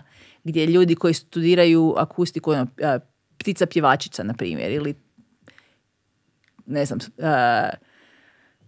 neki životinski zov ili šta god. Bilo čega tako oni u principu znaju puno više o biologiji tih svojih životinja, ekologiji, kako oni ponašanju, takve nekako. Mm. Jer ih u principu vide i mogu... I da ih prate i svašta mogu, ih mogu, ono, mogu svašta naučit, Ali što sam zapravo shvatila, imaju puno slabije e, akustičke sposobnosti. Dok mi s morske strane imamo nevjerojatnu e, tehnologiju i puno više tehnoloških znanja, ali naše razumijevanje sistema i toga kako te što i kako to skupa funkcionira je, znatno, znatno manje. Jer ih mi u principu ne vidimo, ali smo mogli razviti svu tehnologiju zbog toga što ima više love u toj vrsti istraživanja. Te ti, je zapravo nužno da bi mogao uopće ono kad baciš bilo šta u more, moraš da kako neće zahrđat, kako neće veliki pritisak to sve ugruvat i kako ćeš doći do toga natrag. Znači tu, to je puno teže nego staviti samo neki snimač u šumi negdje. Da, da, da, da. značajno. I, i doći po njega za tjedan dana. A ovdje doći po nešto I opet isplo, isploviti i ploviti i ploviti. Ploviti i uvjeriti taj instrument da ti se vrati natrag na površinu i da, nadat se ti nije nigdje voda u more nekakva ušlo u neku rupicu i tako. A s druge strane kitovi prelaze velike distance i onda koliko, koliko recimo najdalja distanca, koja je najdalja distanca koju si morala da pređeš uh, da bi povratila tag neki? um, mislim, ja osobno nisam puno tih tako tagova uh, sama postavila i s kolegama kad smo radili na zajedničkim projektima imali su priče, u principu to je sve bilo na, u Južnoj Kaliforniji gdje mm. su stavljali tagove i, i sad baš problem sa tim što traju više dana jest da kit može otići negdje u svom poslu u tih, ne znam, deset dana. I naj... Zapravo, imaju, imaju dvije lude priče. Jedna je gdje je kit zapravo otišao daleko od obale. Mhm. I taj e, kolega koji e, u principu vozi brod i pri, prilazi kitovima e, je morao ići 200 milja wow. ono, od obale sa svojim malim šestmetarskim brodom wow. skuplja taj tag. Treba imati hrabrosti za to, boga mi ja. Pritom kad ne znaš kako te vreme čeka. Osim da. ukoliko nisu dobri, dobri prognozama. Pa ne, to gledaju uvijek prognoze i gledali su kad će biti dobar uvjet. Mm. Ali to ono, zamisli, a, a ti, ti tegovi su ti ono veličine, ne znam, 30 cm. I imaš ti sad na njima radio signal i to, tako da kad dođeš dovoljno blizu možeš onda dobiti ideju ono, u kojem smjeru se nalazi. Imaju i, i, GPS na njima, GPS, tako da znaš lokaciju, ali, ali svejedno je to veliko more i treba, treba to pronaći. Tako da svaki put ta nekakva potraga je da, da, da. A, druga je zapravo priča kad je jedan kit je otišao na jugu, otišao u Meksiko. Aha. I onda su trebali, onda trebaš dobiti dozvolu za ići u Meksiko, trebaš donijeti, naći brod u Meksiku. To su ono posebno logistička logistički problemi. problemi, Ka- kako ćeš ti sad do svega toga skupa? Sve to strašno skupo, čini mi se, znaš, to su vrlo... Nije jeftin sport. Znači, nije nimalo jeftin sport. Ne. Ok, malo smo izronili, izronili, malo smo zašli, jel te, u, u, u, u odmah uzbudljivi deo, ali nema veze. Vraćamo se mi na tvoje prvo putovanje na Antarktik Aha. Dakle, da, još nismo krenuli tamo. Sa Johnom Hilder, sam ime. Hildebrand. Hildebrand, da, John Hildebrand. Da. Ima, ima baš ono ime kao neki naučnik iz filma Naučne fantastike. Ovaj, I tvoje prvo putovanje na Antarktik, kako je izgledalo? Kada si išla? Kada je to bilo? To je bio treći mjesec 2001. To je bila moja prva godina na doktoratu. Čovječe, pred 22 godine uf, nemoj, nemoj tako, e. sad, sad osjećam staro. Ali da. Da, da. Um, I taj prvi put je bio, e, u principu išli smo iz Punta Renas, što je grad na jugu Čilea, kroz e, e Bigelov kanal, to je ono po jeli, Darwinu nazvan, mhm. e, uz tamo obalu Argentine, kroz taj uh, Drakeov prolaz na Antarktički poluotok. Mhm. I... Kako je izgledalo to putovanje za tebe? Pa bilo mi je zlo na, putu na jug. Um, i, i, i, sad išli smo zapravo, prva, prva stanica je bila, uh, postoje razne države imaju baze svoje istraživačke na Antarktici i mi smo išli na Palmer Station koja je američka, jedna od američkih uh, istraživačkih stanica i, i zapravo smo tamo prvo išli dovest, odvest ljude, e, namirnice i takve stvari. I zapravo to se sjećam, moje najveće razočaranje tog cijelog puta je bilo kad smo došli na taj Palmer Station, je bilo blato. Nije bilo ni zaleđeno. Da, da, da, da. A ti očekuješ I mi ono, kako je ovo Antarktika, ono, blato. Evo, da, razočara se čovjek. Tako da to, to je bilo ovako jedno razočaranje, ali, ali u principu to je, to je bilo jedino razočaranje. Jer sve je, ostalo je sve ostalo je bilo ono nevjerojatno gdje, mislim, teško je to pisati, taj, taj uh, eh, Antarktički poluotok je, ima puno otoka eh, oko sebe i, i stalno, srećom smo, prolazili smo kroz dosta dosta, mojih zapravo tih ekspedicija su mi ono na moru gdje ti ne vidiš ništa osim mora. Da. A ovo smo bili, eh, imali smo nekoliko takvih lokacija gdje smo išli gdje su bili uh, blizu kopna i, i, i, sve te eh, su sve ogromne stjene koje ti ono izlaze iz mora pokrivene snijegom te nekakav kontrast crno, bijelo, mm. sa plavim morem i plavim nebom kad nije oblačno i, ima maglovito, je, je fascinantna jedna kombinacija boja mm. koja je meni bila prekrasna. I vidiš da to, mislim, nema ljudi, to je divljina. Imaš pingvine i kitove. Kakvi su pingvini u prirodi, ono, kad vas vide? Pingvini su super. ne, pingvini... Uh, kad, ili kad zapravo, jedna stvar koju zapravo ne razmišlja, jer uvijek u ono, dokumentarcima ih vidiš na, na, na, snijegu i ledu, jel da, kako se ono, gegu. gegaju. I ali oni plivaju, ono, plivaju nevjerojatno. I onda možeš vidjeti jata pingvina kako ti skakući onako. Kao i, delfini. delfini, malte ne. A, kako prolaze ono kraj broda. To je cool. Gotive vas, ono kao, za, za, interesantni ste im pa su radoznali, ono. Pa da, dođu vidjeti šta ima, valjda. Da, A možda ima nešto se pojede. Večita potraga za hranom. I, ovi, ovaj, e, na Antarktiku si tada provela, koliko si rekla? To je bilo četiri tjedna. Četiri nedelje, dakle mjesec dana otprilike si provela. Da. I, e, I to je bio negdje početak tvoje bioakustičke karijere. Da, to je bilo prvi put gdje sam, mi smo imali, imali, smo e, osam instrumenta koji su bili za moj, ono, moj doktoratski e, rad koji smo onda na tom prvom putu sve bacili u more da skupljaju podatke godinu dana i onda smo još dva puta išli ih vaditi van, mijenjati baterije, skinuti podatke i baciti ih ponovo u more. Tako da sam imala dvije godine podataka sa te cijele serije. I u principu u tada, to je bilo dakle 2001. Uh, glavni cilj zapravo bilo pronaći nekog plavetnog kita. Jer je u Antarktici, e, u Južnom oceanu, povijesno to je bilo prepuno kitova koji su skroz izlovljeni e, rano 20. stoljeće do tamo 1930. 40. i ono malo nakon drugog svjetskog rata, ali ti kitovi su ono, skroz istrebljeni. I, I procjena je bila da njih ima nekakvih, ja mislim u to dobi nekih osamstotinjak životinja, a, a e, Južni ocean je ono ogroman, to je cijelo to područje oko Antarktike. I, I mi smo se nadali da možda ako mi tih osam instrumenata raspodijelimo što šire možemo, možda ćemo čut par zvukova. Ako bude sreće. I, i za divno čudo zapravo kad smo se vratili nakon godinu dana i sad izvadimo instrumente i, i gledam, skidam podatke i gledam što ima samo sekund, pre nego što nastaviš. Kakav je osjećaj kada se posle godinu dana vratiš i vadiš nešto što si pre godinu dana bacila u more, a? Znaš šta, i dan danas mi uvijek ono frka, ja nadam se da, nadam, prvo nadam se da će, da će doći, da će se pojaviti. I zapravo ne, prva stvar je kad dođeš na lokaciju, e, šalješ akustički signal da vidiš da li je instrument još tu. Da.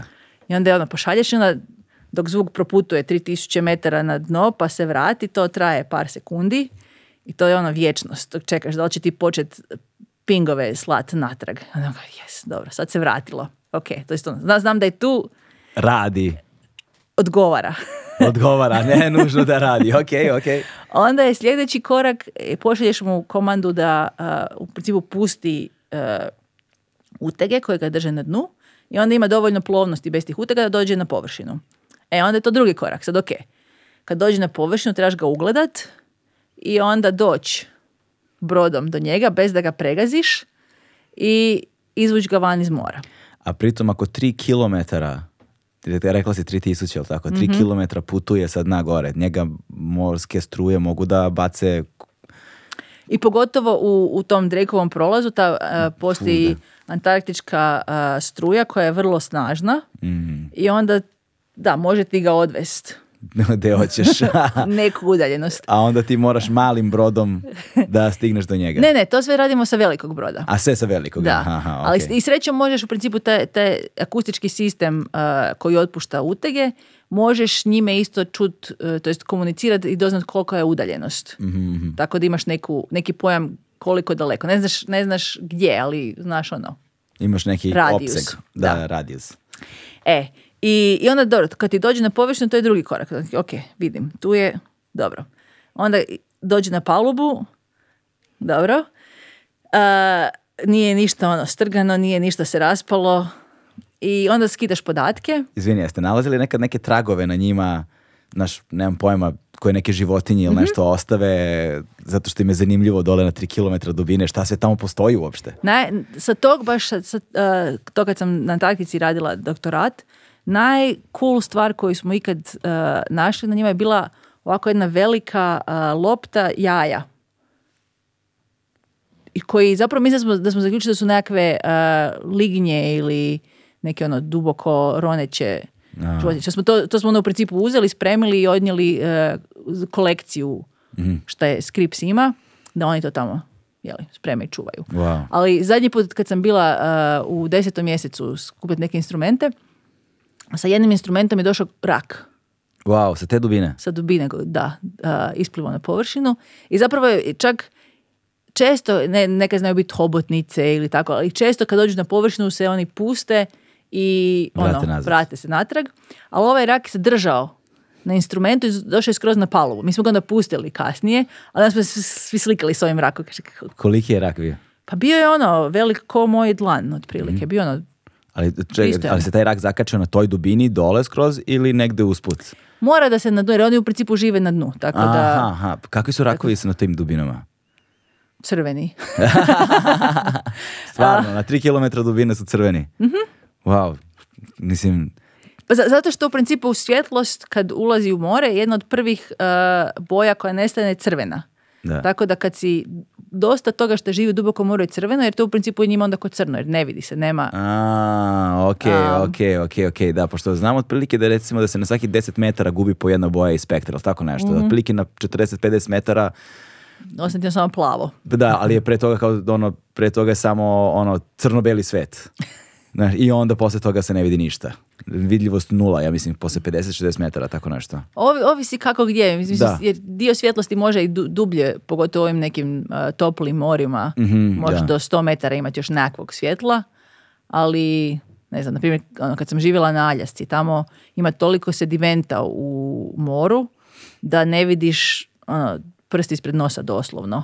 Da, Tako da znači, to znači, čekaj, do ovisi. Stići ćemo do sad smo još uvijek u San Diego. da. Ovaj, a, dakle, slikali ste se s tim, rakom, dakle i sad ti vadiš taj instrument, jel te? E, i sad taj instrument ono dolazi i sad skidamo podatke i, i to je ono, godinu dana sam ono pročerdala mog doktorata, nemam ništa, ne znam da li ću išta imat i sada gledam te podatke i i zapravo u tom trenutku nismo, bilo je nekakvih,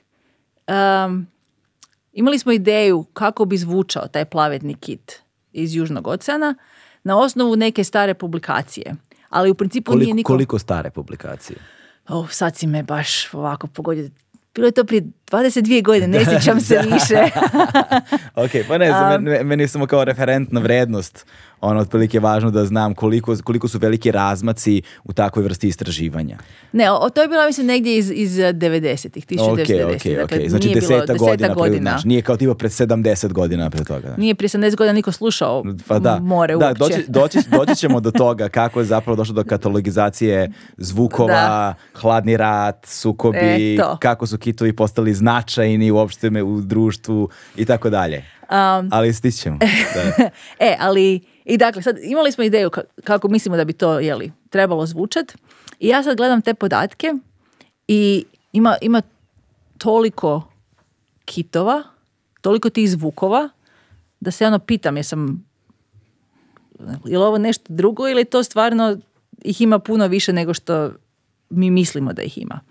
Um, što, što, što je nevjerojatan osjećaj. Ono. Ja sam ono, klinka iz, iz Utrina koja sjedi na brodu na Antarktici i vidi neke podatke koje nije, nije niko nikad to prije vidio. Wow. I, i, da je tu nešto drugačije od kako mi zamišljamo svijet. I to je zapravo to, taj neki ono, dio koji, koji se događa svako toliko, koji koji je super da, e, u principu. Da. U principu sad ja gledam te podatke i, i ne samo ti plavetni kitovi, nego čak i taj veliki sjeverni kit u tom sjevernom dijelu e, Antarktičkog poluotoka je toliko se puno glasa da ne vidiš jedan po jedan njihov e, taj poziv, nego je to ono čitava buka da. u kojoj ne možeš ti sad brojati koliko njih ima. Mm. I, Kakofonija. Apsolutno. Preklapaju se. Preklapaju se. I sad, I sad u tim podacima, ja vidim ono, ima tu, ima kitovo ono koliko hoćeš, imam ja doktorat, bit će ok. ali, ali kroz sve to, ja u principu nisam vidla niti plavetnog kita, niti tog velikog e, sjevernog kita u tim područjima gdje mi znamo da trebaju biti.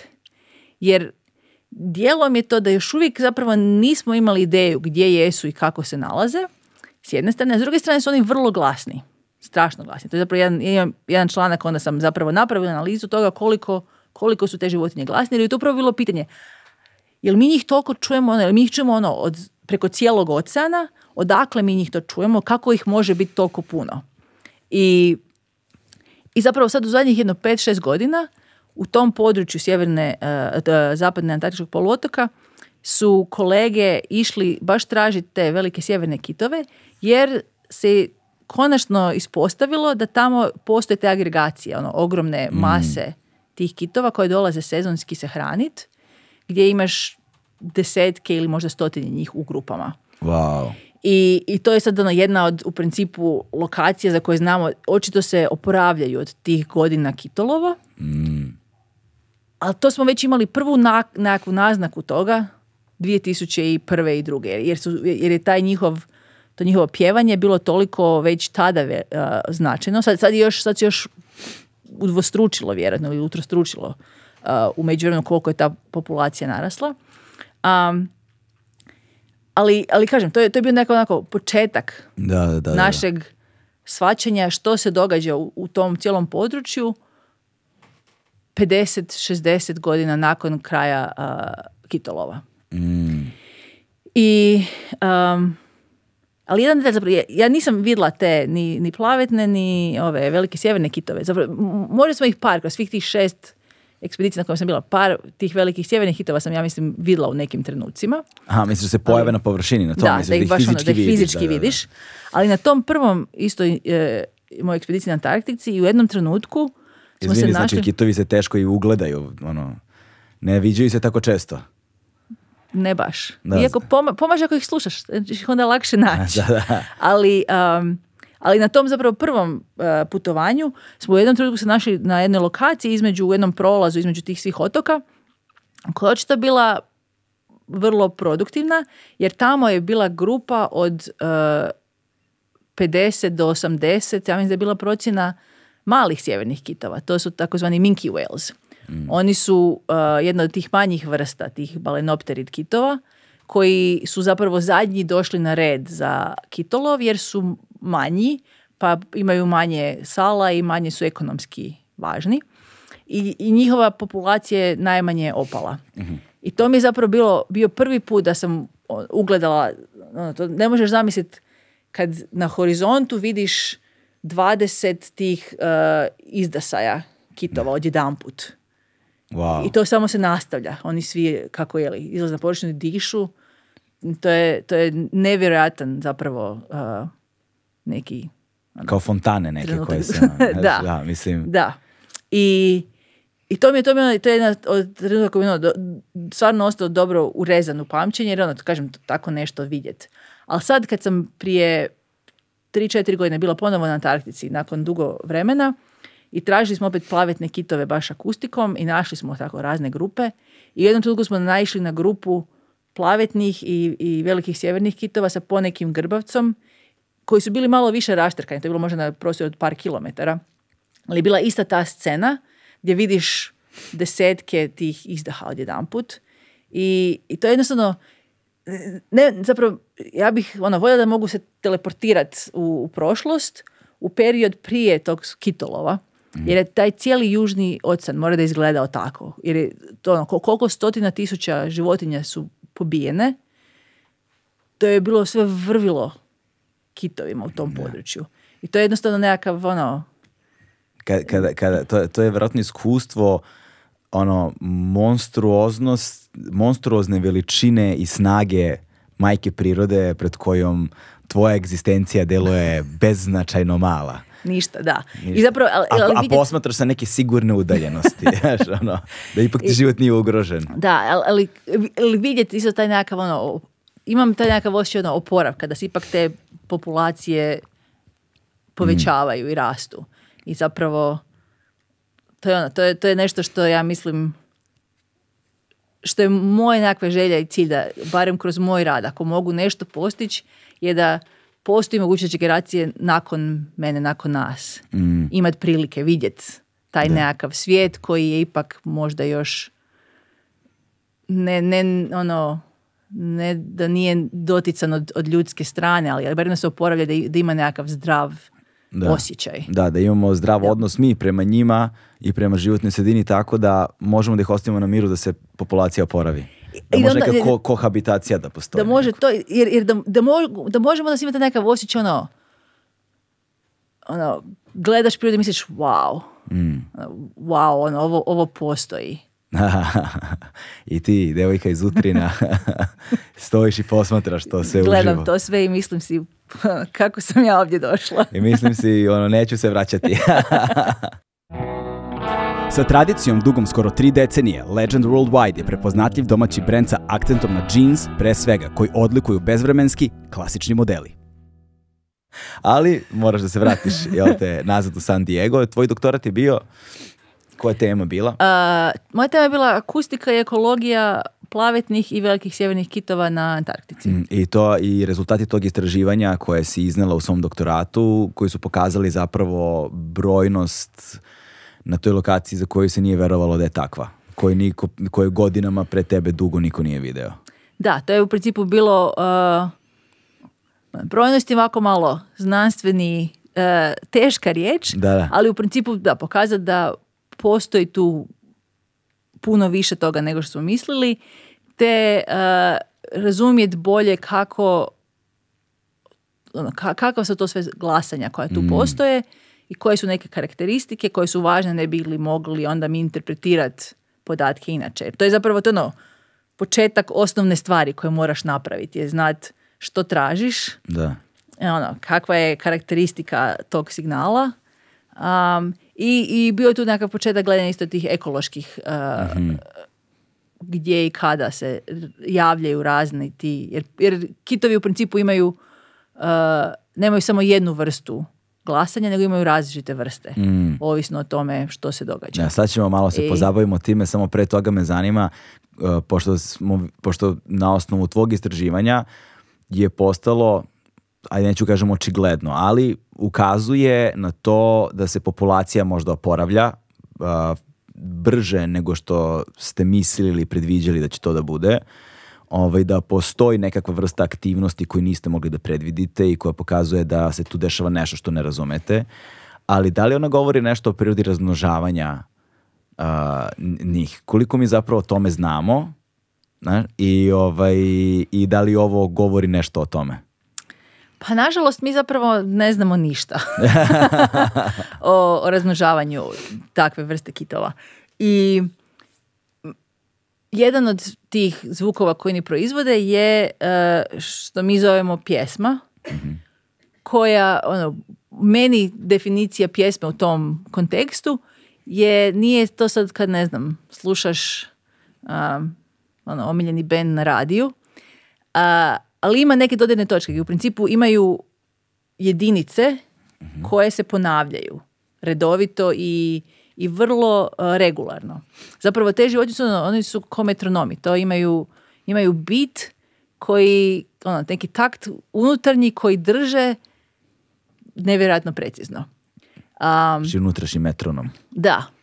I, I sad koliko različitih jedinica imaju koje ponavljaju, koje kombiniraju u pjesme, to ovisi o, vrsti ili čak o populaciji, jer različite populacije imaju svaku svoj dijalekt. Um, I sad što mi znamo jest da samo mužjaci proizvode te pjesme. Aha. I to zapravo znamo samo za jednu populaciju, možda dvije. Ovaj drugi članak još nije obavljen, ali kolega mi je rekao da ima podatke da će jeli, objaviti. Znači mi dobijamo ali... sad ovdje svetsku ekskluzivu. Da. Samo za agilast. Breaking news. To mi reci. E, i, i znači znamo da, da taj, e, ti zvukovi te pjesme je nešto što proizvode mužeci i postoji sezonski uh, nekakav period kada oni više zovu, to jest pjevaju. s toga onda možeš zaključiti da možda je to ima nekakvu značajku dakle, u tom periodu kada iz podataka zapravo, mi, mi, mi puno znamo o biologiji kitova iz tih dana kitolovstva, mhm. o tome kada, kada su se zapravo, kada počinju, ono, kako, kako se razvijaju sezonski veličina testisa, mhm. i kada započinje, kada su ženke kao u kojem su razdoblju e, trudnoće, to je gestacije i, i takve nekakve stvari. Tako, tako da imamo nekakvu ideju o, tom sezonskom ciklusu mm-hmm. kad se sve događa. Kad koliko, se, kad koliko, koliko, koliko traju? Kako, daj mi okvire, pošto ne znam ništa o tome. Pa u principu za, ove, ja, ono, prvenstveno pričamo... Kad su, kad su kitovi seksualno zreli? Koliko im treba? Um, to je sad dobro pitanje, ali tu negdje ti to 7-8 godina. Znači od rođenja nakon 7-8 godina Mislim postaju da, da, polno zreli. Da, za ove uh, balenopteride. mm Um, i, i onda u principu ženke imaju uh, mladunčad najviše svake dvije godine. Najviše svake dvije samo, godine. Samo jedno. Samo jedno, dobro. Koliko traje po, trudnoća ili kako se rekla period gestacije? Uh, oko godinu dana, mislim da ali možda 11 mjeseci tu negdje, ali ovisi znači isto malo čoveka. vrste, da. Uh, i, I onda u principu imaju... Na kojim dubinama se porađaju? ha dobro pitanje, nam pojma. A, to nije niko nikad vidio. To niko nikad nije video, wow, ok. Mislim, ne znamo ni... Znači, to su dubine neke koje, ne ili gde, ne znamo ni lokacije, otprilike ništa ne znam. Ne. Wow. Ništa. Ili gdje se pare, isto tako ne znamo. I kako se pare? Na osnovu anatomije neke možemo pretpostavimo, ali... Pa mislim, onaj, unutarnja oplodnja. Da, to kao, decit, to, je, to, da. to je to. Ali, na primjer, postoji razlike... Jer, dakle, ove sve vrste kojima pričam su, to su e, balenopteridi, koji su kitovi koji su vrlo e, onako e, streamlined, imaju vrlo su dugački i brzi, ko, mm. ko torpeda izgledaju. duguljasti onako. Da. da, da. da, brzo, brzi plivači, jako snažni i sve to skupa. Postoji druga grupa um, koji su, mislim, ne znam right whales, koji pretpostavljam da se na našem jeziku kažu pravi kitovi, ali ne znam zapravo kako se zovu. to je jedna skroz druga grupa, oni su, oni zapravo zovu right whales, zato što su bili pravi kitovi za ubiti ih lagano. Wow, je, yeah. koliko je ovo mračan podatak, Jer, za razliku od ovih balenopterida, njih su počeli loviti tek početkom 20. stoljeća, zato što prije toga nisu imali tehnologiju. Mm. Nisu, nismo mi kao rasa. Um, jer ti balenopteridi, jer su tako snažni i ono, e, moćni, kad ih ubiješ, oni, oni tonu. I onda u principu trebalo se prvo dovinuti kako osigura da ostanu površni. površini. I onda su ih počeli pumpat zrakom, zato ti dakle trebali su na pumpe i, takve nekakve stvari. Ovi drugi kitovi, dakle ti right whales, oni su puno eh, onako debeljuškasti više, mm masivniji i to ti zapravo, to, ti, je kit ono iz priče o Joni i kitu. Aha, ok, kita. ok, I, i oni, oni kad umru, oni plutaju. Osim toga su i puno spori jer su tako onako debeljuškasti. I tako da, su, tako da je to bila prva vrsta zapravo koju smo istrijebili. Mm u cijelom istočnom Atlantiku, na primjer, jer su još baski tamo u 11. 12. stoljeću su ih lovili već i onda su ih izlovljavali kroz do 15. 16. stoljeća kad su, kad su nestali skroz sa ove strane Atlantika. e, ali ti kitovi dakle, imaju skroz drugačiji način razmnožavanja. Oni imaju uh, za, za svoju veličinu ogromne testis mm i, i oni se uh, pare u grupama koje su na površini i to ima, ima priče e, kolega koji su vidjeli ono, te penise e, tih kitova kako lete znači, ono, kroz zrak, više manje. Ali oni zapravo, oni, oni, ne, oni ne pjevaju. oni ne pjevaju, Dok ovi balenopteridi imaju manji testis uh, mužjaci po proporcionalnoj veličini, ali pjevaju. Misliš da znači, oni Imaju nekakvi, oni, vjerojatno, jer to je njihovo na način kako oni uh, se nekako dokazuju. Mm, mm. Među sobom. Ali to je, mislim, to je, to je sve spekulacija prema, prema onome što mi znamo. Da. Jer te, uh, kažem, right wheels ljudi su vidjeli kako se pare, dok ove druge nismo još imali takvu sreću vidjeti. Wow. Ali, ali to, je, to je zapravo ti najbolji pokazatelj koliko ono što mi znamo su nekakve pretpostavke u odnosu na ovakve nekakve komparativne razmišljanja i usporedbe što i kako se oni ponašaju i, i kako izgledaju anatomski. Da, da, da, da. E sad, idemo dalje. na ovaj, kad govorimo o pevanju, sad mhm. razmišljam samo zapravo da li nam je ovo dobro, do, dobra ulazna tačka da počnemo zapravo da pričamo, jer pomenula se već i to istrebljivanje i da počnemo da pričamo, pošto bih da govorimo o pevanju, njihovom prirodi, mhm. njihovog pevanja, njihovog oglašavanja, glasanja, kako kažeš.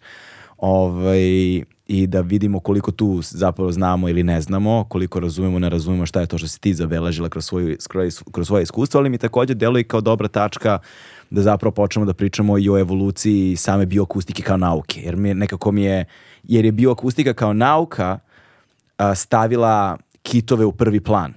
mm I, i, i kada se napravila kada je napravljena prva ploča u sušti, suštini uh, kitovi su ušli u mainstream popularnu kulturu koja je onda kao trigger zapravo imala lančanu reakciju aktivista koji su počeli da se ba, bore za zaštitu kitova, zbog čega imamo situaciju da se njihova populacija obnavlja i tako dalje.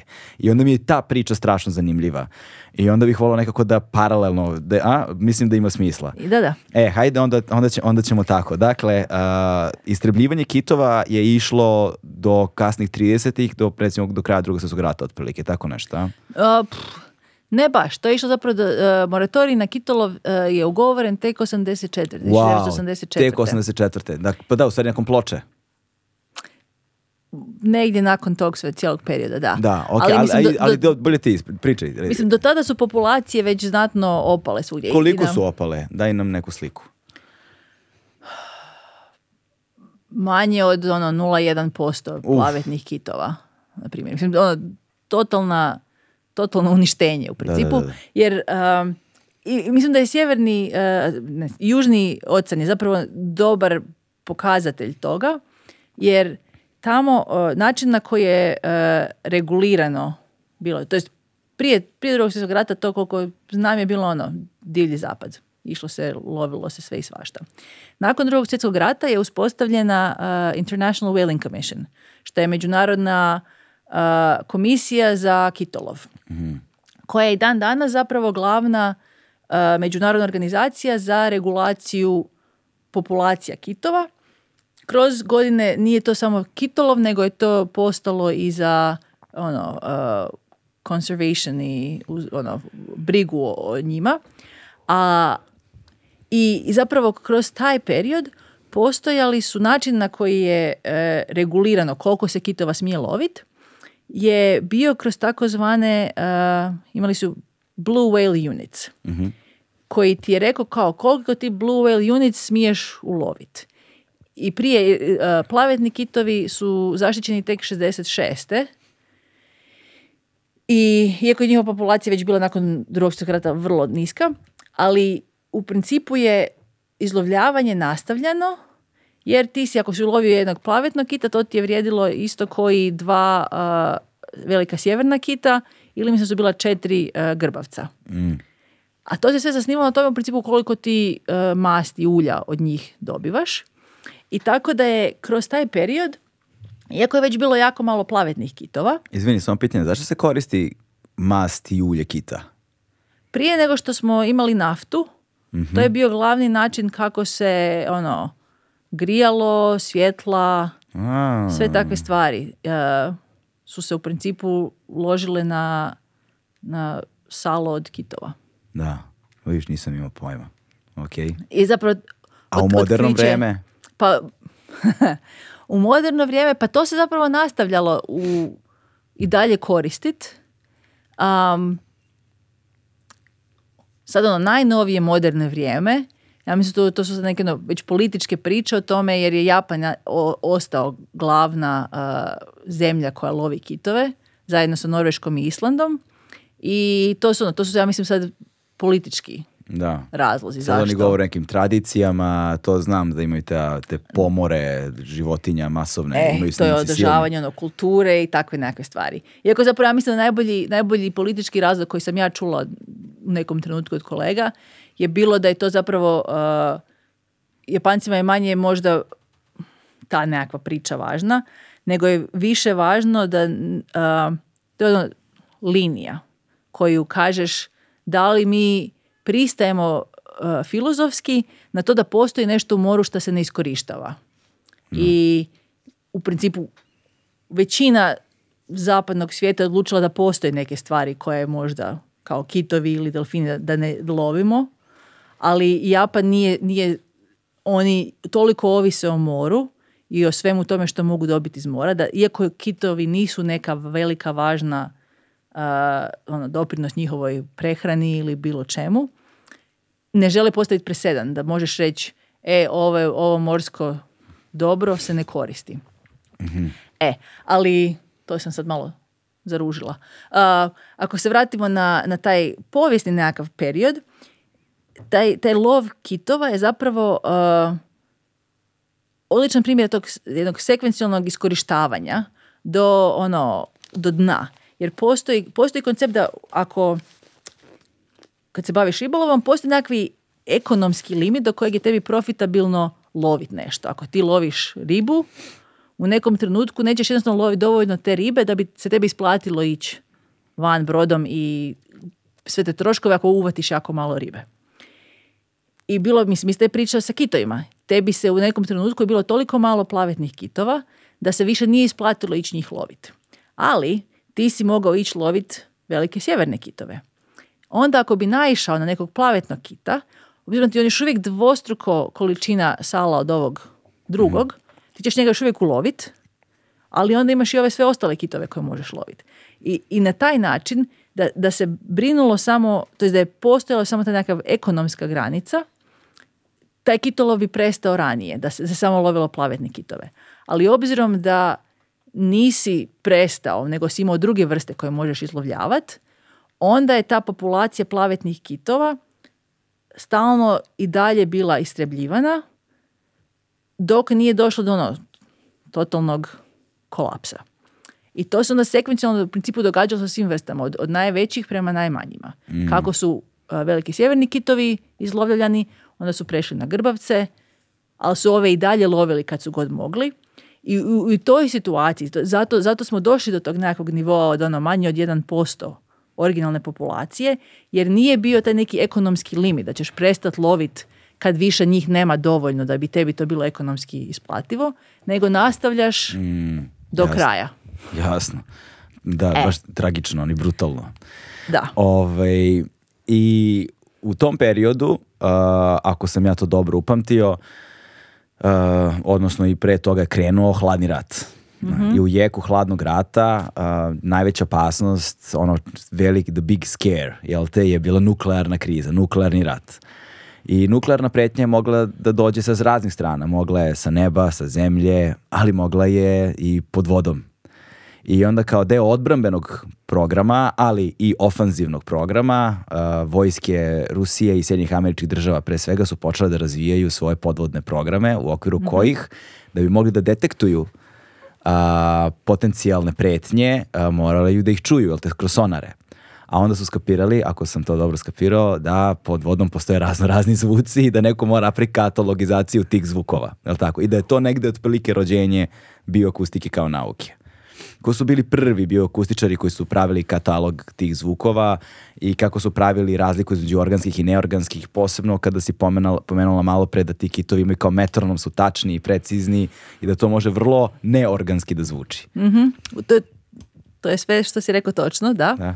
I upravo taj nekakav metronomski dio zajedno sa činjenicom da su zvuk, zvuci, pogotovo ove dvije vrste, toliko uh, niski, u principu oni su infrasonični, oni su ispod našeg uh, ljudskog uh, registra, da nismo tada mislili da, da životinje mogu proizvoditi takve zvukove.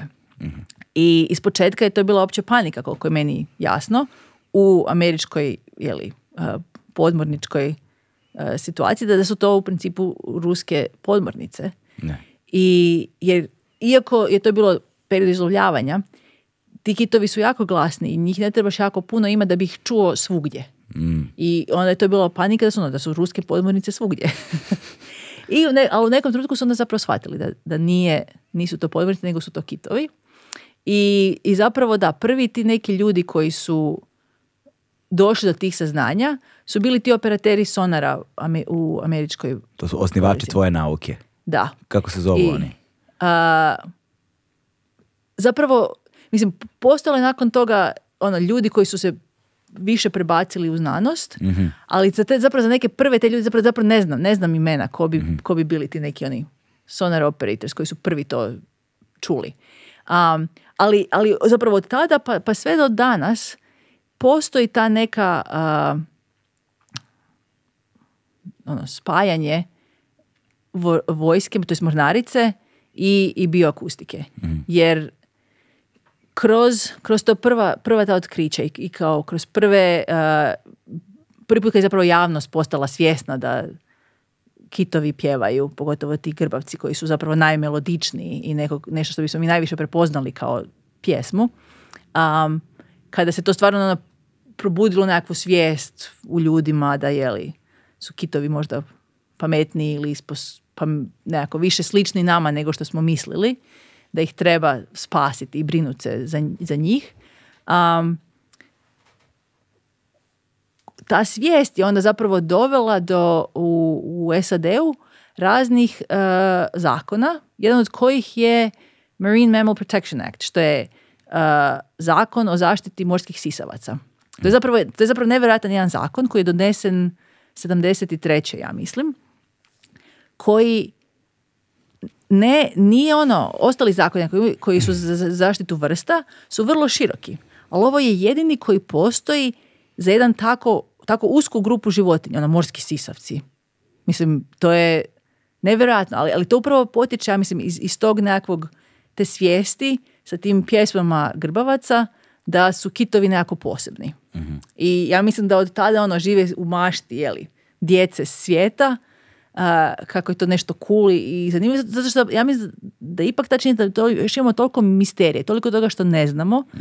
da može, mogu ljudi svašta projecirat i, i nekako antropomorfizirat i, i, i vidjet sebe na neki način u, u svemu tome skupa. Da, ali s druge strane, koliko se sjećam, dakle, a, pop kulturni fenomen koji je izazvao lančanu reakciju uh, je zapravo bio album, kao nazovimo mm muzički album, uh, pesama Plavo kita.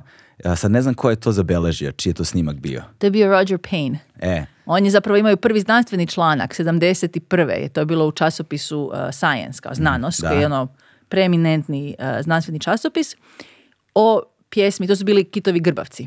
A, grbavci su bili, nisu bili da, plavi kitovi. nisu bili plavi kitovi.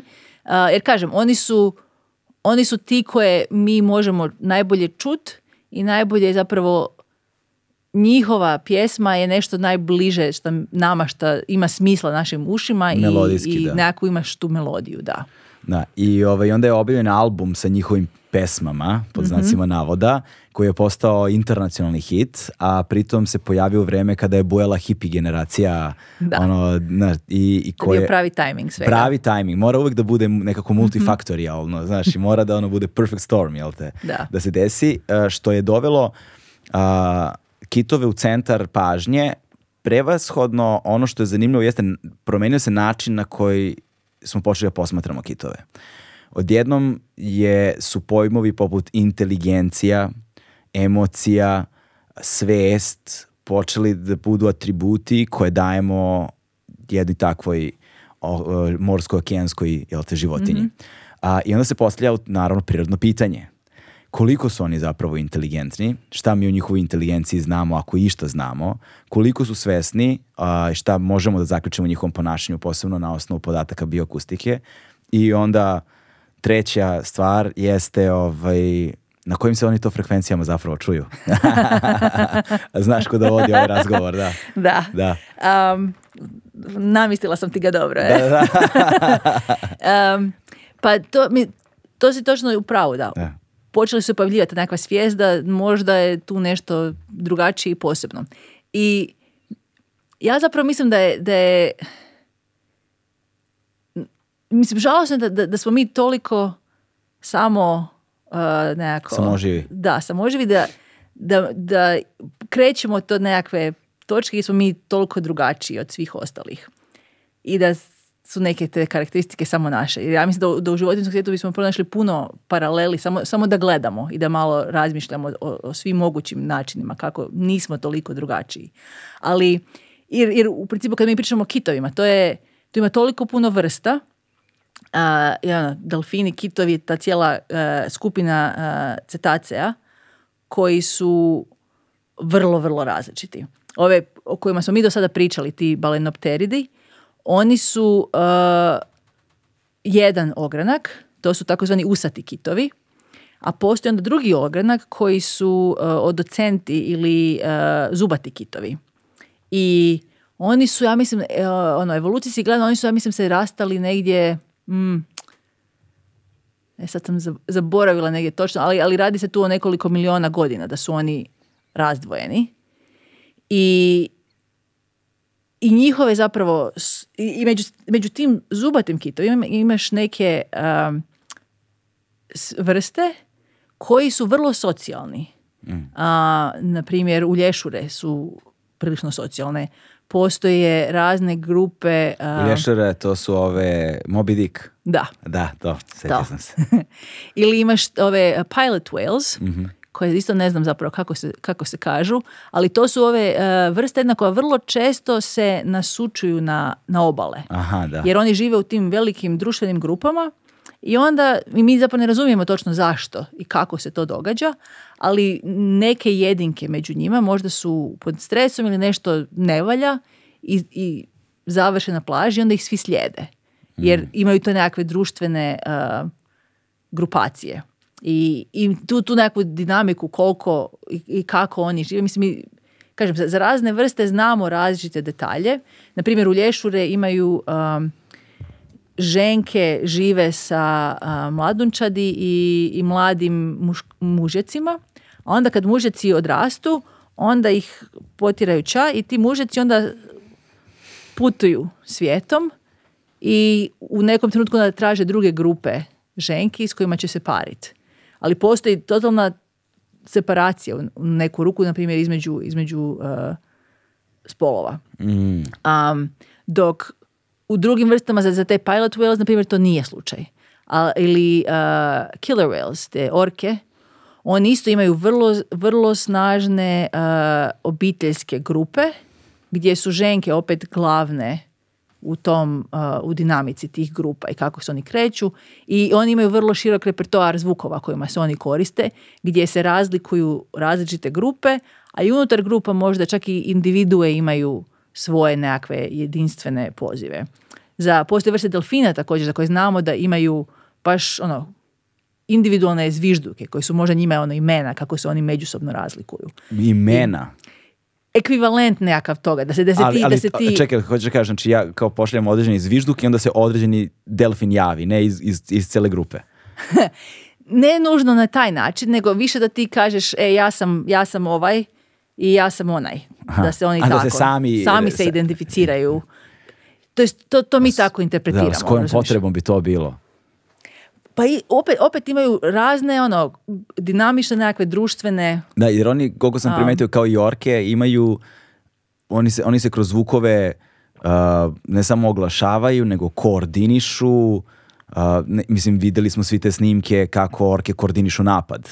Dakle, one su orkestrirane i organizovane i planski to rade, a mhm. planiranje je jedan od ključnih inteligencije ono, sad kad govorimo o veštačkoj inteligenciji, jel te, o AI-u kad govorimo danas, mi zapravo govorimo o aspektima koji čine inteligenciju i da li možemo da govorimo o inteligenciji, ne možemo da govorimo od onog trenutka dok mašina ne počne planira stvari. Planiranje je jedan odraz inteligencije koji oni imaju i tekako razvijen. Točno, e, mislim da su baš da. E, orke su jako dobar e, primjer toga jer stvarno imaju taktike i mm. organiziran pristup ne znam, iako je zapravo zanimljivo za, za orke, ovisno o tome, jer razne vrste eh, orka, to se zovu uh, razne ekogrupe koje u principu se hrane raznim stvarima. I ovi koji se hrane morskim sisavcima, oni zapravo vrlo malo se glasaju. Hmm. I to je vjerojatno toga što ih zapravo morski sisavci ih mogu čuti. Postoje isto i orke koji se eh, prvenstveno hrane ribama i oni se puno više glasaju. I oni možda koriste onda i akustiku za koordinaciju, dok ovi, ovi što se hrane ono, tuljanima i tako, oni, oni vjerojatno ne koriste akustiku. Oni, oni se glasaju nakon što uspješno ulove A. nešto, da onda se ono hvale, hvale. Wow. nas. Um, tako da postoji tu još razlika, ono, ja mislim, između toga kako, kako ono, živiš, da. o tome kako ćeš ti koristiti zvuk između ostalog. Jesi li imala susreta sa njima? Sa orkama? Sa nekoliko puta. Zapravo na znamo ih onako često vidjeti, da. Ali ih nisi A. izučavala, konkretno njih? ne konkretno. Imala sam duše kolegice koje sam podučavala, to slala. Jer te, ti orke, zapravo akustika njihova je nešto nevjerojatno. Jer, jer postoje ljudi, ja, ja većinom kad radim analize, ja ne, slušam jer većina e, tih vrsta s kojima se ja prvenstveno bavim su, imaju infrasonične e, glasanja, dakle mi ih ne čujemo. Mhm. A dok su orke u našem registru, on njih, to je par kiloherca, to sve možeš čut. I ta ekipa koja, koja se baš ono fokusira na orke, oni znaju u tim svojim populacijama o kojima rade, oni znaju ono sve ih razlikuju. Ja, ja kad to slušam, meni to sve zvuči isto. Ja, ono, ja znam prilike razlikovati ove što se hrane e, sisavcima od ovih što se hrane ribama, jer postoje neke razlike u tome kako Ali to sam naučila od tih kolega koji se bave e, sa killer whales. Stručnjaka, da. To, to je ono, to je, mislim, ako misliš da je bio akustika niša, to ti je onda tek ono niša tek takva. Da, da. Mi smo ono u principu jednu, e, dok sam bila na skripsu, smo slali kolegicu da uči od tih mm. koji znam. Imam, imam članak onda baš o njima, ali kažem to smo vrlo, vrlo puno ovisili o, tim uh, stručnjacima koji znaju baš. da, da, da. Ok, a kojim se ti onda konkretno baviš? Najviše? Pa, ja se najviše zapravo bavim tim e, raznim balenoptridima. Plavetni kitovi, veliki sjeverni kitovi, onda postoji tu još uh, brudis kitovi e, koji su jedna manja vrsta. Nisam se previše nikad bavila sa grbavcima jer oni su ono previše komplicirani. um, al ja sam u principu imala, imala sam ono sreći i prilike imati tako široke uh, projekte i široke prilike gledat hmm. razne druge vrste. Sad, sad, u zadnje vrijeme smo konačno počeli raditi u, u Jadranu i tamo se bavimo sa skroz zapravo više ne sa tim usatim kitovima, oni dolaze ali rijeđe u Jadran, ali u Jadranu su uglavnom sve e, zubati kitovi i baš ti kitovi kljunaši koji su duboki ronioci e, to. To je nešto što nisam imao pojma, da u Jadranu ima kitova. I ovaj mhm. snimak sam video pre neki dan zapravo e, velikog severnog, jel tako? Ovaj, kita na Visu koji je snimljen. Da, bila je čak grupa. Grupa kitova kod Visa. Da. Što je never, mislim, je, je to redak fenomen ili je samo redak da se snimi? Uh, u principu to je to, je, to je to pitanje, da. Mi znamo da oni dolaze povremeno u Jadran, ali pitanje koliko često je... I zašto? Uh, I zašto? Ali, na primjer, prije tri godine, 2020. je bilo par kitova tih velikih sjevernih koji su ono kružili, bili su ono u Velebitskom kanalu danima. Uh, i, I zapravo imamo nekoliko snimača u Jadranu u to vrijeme koji su ih onda bilježili na raznim lokacijama i znamo da su se oni tu kretali u tom području šta, su bili u, u um, kanalu. To su kolege iz Plavog svijeta, što je jedan uh, NGO u Hrvatskoj koji se bavi uh, jako puno sisavcima, morskim sisavcima. Oni su u principu onda imali ono, citizen science, kao javite nam ako vidite neke kitove, ne, ne, bi, ne ih mogli pratiti i vidjeti gdje se nalazi. Onda su ih, ne, bilo je to mislim par mjeseci da su se zapravo ti kitovi gibali po Jadranu. A znamo iz, iz snimaka koje imamo u tom području da u principu oni svake godine kad imamo snimke oni, oni dođu. Oni se pojave u nekom trenutku u Jadranu i čini se da u oko Visa zapravo tamo, mislim Jadran je, uh, Sjeverni Jadran je vrlo plitko more. I onda kako ideš prema jugu, ima jedna ta kotlina, e, jabučka kotlina, koja je vrlo produktivan jedan dio gdje ima puno hrane. I onda još južnije od toga je uh, južno-jadranska kotlina koja je uh, e, principu ono skroz do, do otrantskih vrata. I tako da su ta tri nekakva dijela Jadrana su vrlo različiti.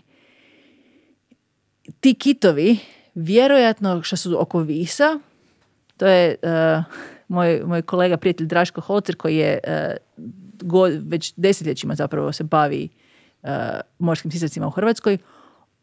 On, on ima listu ko, kada i koliko često se viđaju ti kitovi tamo i njegova teorija je zapravo da u toj jabučkoj kotlini se idu hraniti. Mm. I zapravo bila sam sad na Visu prije tjedan dana i htjeli smo ubaciti instrument baš u jabučku kotlinu da vidimo kada, koliko, su ti kitovi tamo. Tako da ću ti znat rečeno za, za godinu ili tako negdje kako, koliko često su tamo, barem u zadnjih godinu dana, ali mislim da je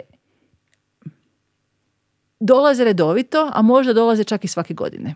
Wow. Ali se često, ja mislim, se drže se dovoljno daleko od obale, da ih možda ne vidiš ti baš svaki puta. Mm. A, a isto s druge strane, to smo baš imali razgovor da li sad kad ono, svako ima mobitel, svako ima kameru, i onda ti prije kad si išao na more i, i vidio kita, mogu ti doma reći nekom, e, vidio sam kita, oni ti kažu dobro. A sad ćeš staviti na YouTube i e. imat ćeš deset tisuća hitova ono u roku od tjedan dana jer su svi ono, wow, kitovi krevisa. Da, da. Tako da, imamo ono, totalni e, drugu mogućnost dobivanja informacija o tome. Jeste, jeste, jeste. Ja, vreme se promenilo strašno. E, sad je veoma zanimljiv podatak, ali to sam negdje mislio sačuvamo za kraj razgovora. Uh, e, zašto bi za, kraj razgovora da govorimo o spoju veštačke inteligencije i, i, i zvukova u, u životinskom svetu generalno, jer imaju sad taj Species projekat gdje se pretpostavlja da veliki jezički modeli veštačke inteligencije mogu da reprodukuju određene zvuke i da komuniciraju nazad sa životinjama. Pa ne znam kao da li je ikada bio, da li, je ikada usp, da ste ikada uspeli da pošaljete zvuk na koji su kitovi odgovarali ili da li to može uopšte se prepozna i koliko znamo uopšte o tome šta znači njihova signalizacija, njihovo javljanje, njihovo glasanje, njihovo pevanje ili kako god. Pa takvi nekakvi eksperimenti su uglavnom bili rađeni u um, ne ono na divlje, nego u akvarijima ili mm, u ograničenim prostorima. I od tu znamo ove neke detalje kako imaju uh, individualne zvižduke koje se razlikuju od, od jedinki.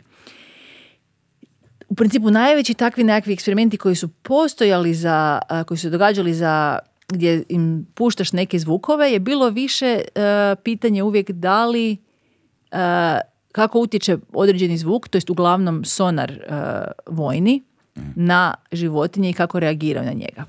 To je prvenstveno kako se to radi. Jer zbog tih, zbog tog uh, Marine Mammal Protection act tog, tog zakona koji zabranjuje u principu e, da ti smetaš kitovima, nije lako dobiti dozvolu mm. da im puštaš zvukove. A, okay, okay. Jer u principu ne znamo mi kako to na njih utječe i što to znači.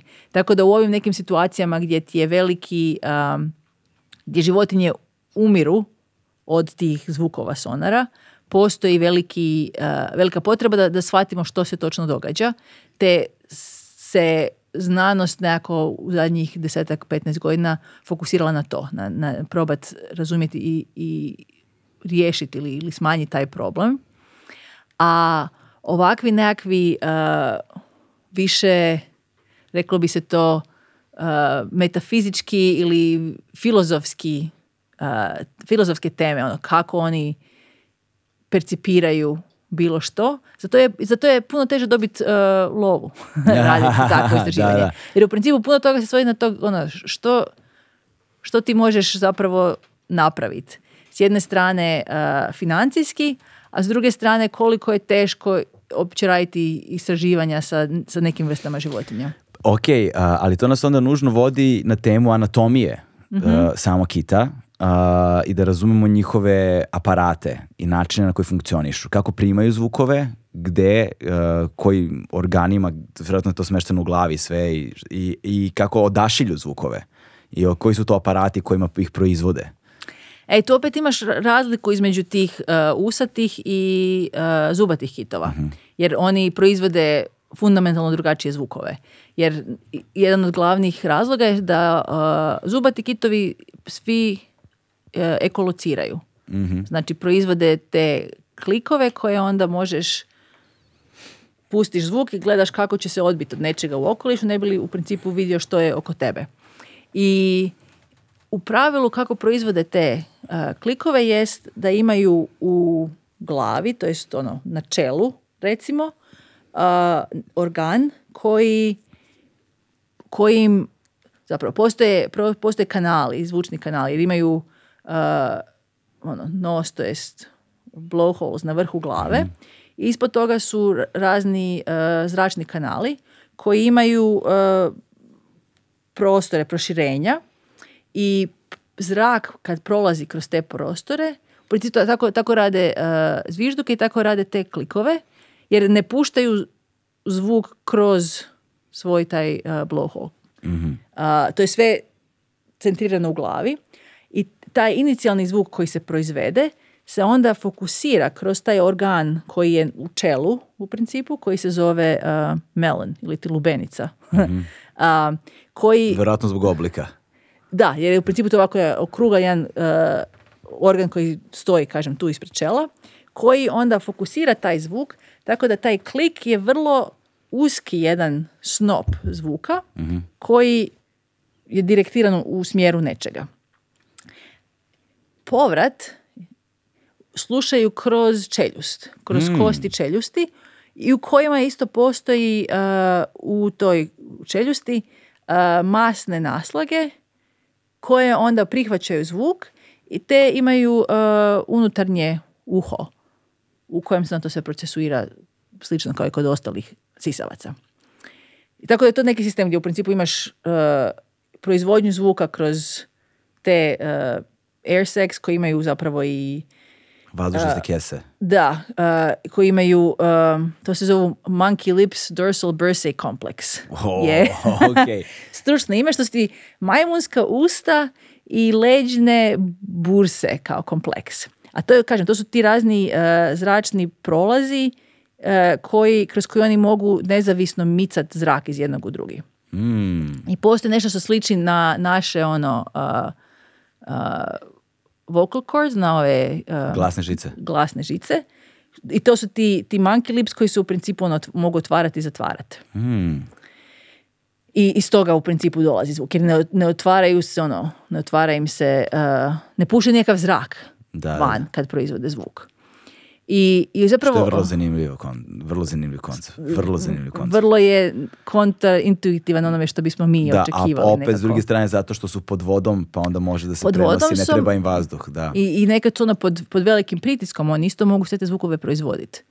I, I kako ti... Koliko duboko oni na kojim dubinama, mislim koliko duboko oni idu, to ne znamo. Pa na primjer u lješure da. ti ono do 2000 metara bez problema.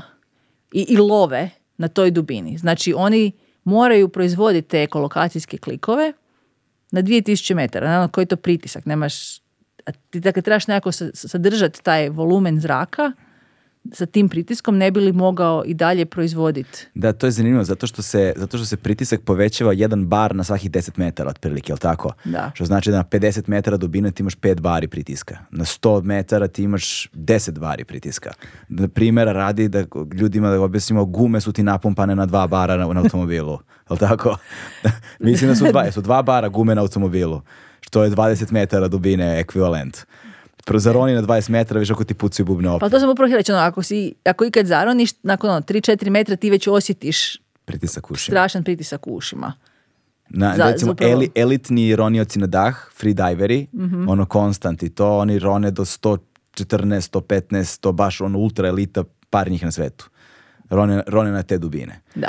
E sad ovaj, ovaj A ovi ono, rone na ono dvije... 20 puta to, i proizvode zvukove. Jer zanimljiv mi je, sad razmišljam opet, koji su to mehanizmi unutar njihove anatomije koji omogućavaju da se zapravo, jel se azot na tom pritisku izdvaja kao postaje tečan, pošto se to ljudskom mozgu dešava i onda dolazi do azotne narkoze. Znači šta se sa vazduhom pod tim velikim pritiskom i kompresijom dešava ili oni nekako uspevaju unutrašnje da sačuvaju da se, da se ne kompresuje, jel to znamo, jel razumemo to? Um, postoji, mislim, postoje mehanizmi kojim ograničavaju uh, gdje im sve ide krv i gdje sve dolazi u principu zrak kad drone tako duboko. Upravo zbog toga da bi se spriječile te razne bolesti uh, dekompresijske. Mhm. Ali kako čuvaju taj zrak u, u zračnim tim prolazima u glavi, ne bili proizvodili zvukove, zapravo, zapravo nisam sigurna. Da li, da, ne, ne znam kako, kako to, koja je to mehanika. Da, um, fascinantno. da. Zaista fascinantno. I, um, ali čak, to, to su ovi, dakle, uh, dobro, ne, rone svi tako duboko, ali čak i neki ono, obični delfini će ti bez problema zroniti na par sto metara. Znači, svaki od njih ima tu nekakvu sposobnost mm. uh, održavanja svoje komunikativne mogućnosti sa dubinom i, i sa pritiskom. I ne razumemo kako to funkcioniše u suštini. Toliko toga ne znamo. Baš je fascinantno. Šta, koji je najfascinantniji, ono, najfascinantnija stvar na koju si ti naletela za sve ove godine rada, kada su, kada, kada su u pitanju kitovi? Pa, mene jedna stvar ovako što me muči i fascinira mm. istovremeno je um, to da smo mi kroz godine desetljeća primijetili da nije vezano za anatomiju, vezano je čisto ovako za uh, proizvodnju zvuka i uh, te, kažem, dvije vrste kojima se ja uglavnom bavim, uh, plavetni i veliki sjeverni kitovi, oni, ti zvukovi koji oni proizvode u sklopu njihovih pjesama su vrlo, vrlo stereotipni. Oni, ono, cijela populacija ima identično isti svaku tu jedinku tog, uh, te pjesme. Tako, ih i prepoznajemo u suštini. Tako ih prepoznajemo, tako, tako možemo razlikovati plavetnog kita iz Pacifika, od onog iz Indijskog oceana, od ovog iz Južnog oceana, svi su, svi su drugačiji i svi su uvijek isti, svi su ono sinhronizirani su. Mm. A ta njihova i, i, i, razlike među tim pjesmama su i u frekvenciji u, i u, vremenskim nekakvim karakteristikama tih pojedinih jedinica. Ali kroz vrijeme te sve pjesme su sve niže i niže uh, frekvencijski. Mm. I jednostavno od, ne znam, 60-ih recimo, kada, smo, kada su neke te prve mm. snimke se počele pojavljivati, do dan danas, dakle 60 godina, oni polako sve dublje i dublje imaju, njihovi glasovi su sve dublji i dublji. Da, da. Da, to sam, čitao sam zapravo tvoj rad koji se bavi ono change of frequencies in blue whales, da, ima, pročitao, pročitao sam, preskakao sam onaj kompleksni kompleksni naučni deo i grafikone nisam razumeo baš najbolje sa tačkama, sa podelcima kroz vreme, ali, ali je zanimljivo uh, do, do potencijalnih zaključaka zapravo kada, kada ste stigli, zato što uporedeći kroz vreme vide se promene, ali isto tako i nelogičnost zbog porasta buke unutar mora i okeana kroz transportere, brodove, različitog saobraćaja i svega što radimo, što je onda kontraintuitivno i kontraproduktivno za frekvencije koje oni proizvode. To je uvijek prvo pitanje kad, kad tako ja kažem. E, njihovi pozivi su sve dublji i dublji. Nisu tiši, nego samo niže du, frekvencije. Samo da, da, da. I, i onda uvijek pitanje, ha, to zato što ima više buke, pa onda pokušavaju izbjeći tu buku. Ali, mislim, nije, nije u tome stvar. To ono, ne znam zašto to rade, ali znam da nije zbog toga. okay, Jer u principu postoje dvije stvari. Jedna je da, to što si spomenuo, kako ta se... Eh, Spušta se niže frekvencije, to zapravo više ulaze u, tu frekvencije gdje, je glavna buka brodova. Znači, više bi im to smetalo, te nekakve veliki brodovi. Druga stvar je da mi to, te, to sniženje frekvencije vidimo i na lokacijama gdje zapravo nije bilo porasta buke. Na primjer u Južnom oceanu gdje tamo nema nešto baš od brodova i, i taj nekakav konstantni porast buke se tamo ne događa. Tako da to je ono univerzalna stvar koja je, svi ti kitovi rade nekako i svi se nekako sinhroniziraju istovremeno. A, istovremeno se sinhronizuju. A pritom je fascinantno da se ta promjena dešava, ne možemo ni da govorimo o nekakvoj evoluciji, jer je suviše kratak vremenski period. Čini mi se. Pa je i u principu ono, eh, zato što ne razumijemo koja je točno funkcija tih zvukova. Da. I onda zapravo ne znaš da li, da li on, da li to oni rade zato što možda ženke više vole A. dublji glas. Um, da li je to da li se to, ako, ako se mužeci međusobno nekako obračunavaju sa tim mm pjesmama, da li, da li im to daje nekakvu prednost ako si uh, niže frekvencije. Um, bilo je kolege koji su, jedna od ideja je bila da možda razlog zašto se te frekvencije snižavaju jest da kako populacije rastu, tako u principu tvoj neki ono prijatelj kit će biti bliže tebi jer, jer su gušće ima ih više tako da su bliže jedni drugima nisu više možda toliko raštrkani mhm. i onda zbog toga ne moraš više glasno da, da.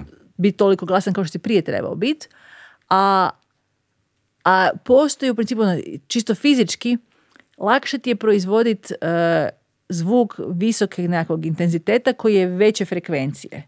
Znači, ako više ne moraš se glasat jako bučno da bi te čuo neko daleko, onda možeš spuštati tu frekvenciju, jer može zato što, ne znam, ženke to više vole. Da, da, da, Ali meni taj isto nekako nije zadovoljavajući zadovoljavajuće objašnjenje, jer je, jer je to toliko sinkronizirano i toliko sve regularno se taj sniženje frekvencije događa, da nekako, ne, mene, mene to muči već godinama, da ono, pokušavam se dovinuti što, što mi zapravo, da li mi možemo nešto iz, mhm. iz tog sniženja frekvencije naučiti o, o, biologiji ili njihovom ponašanju. I, nisam još, nisam se još ništa pametno dosjetila.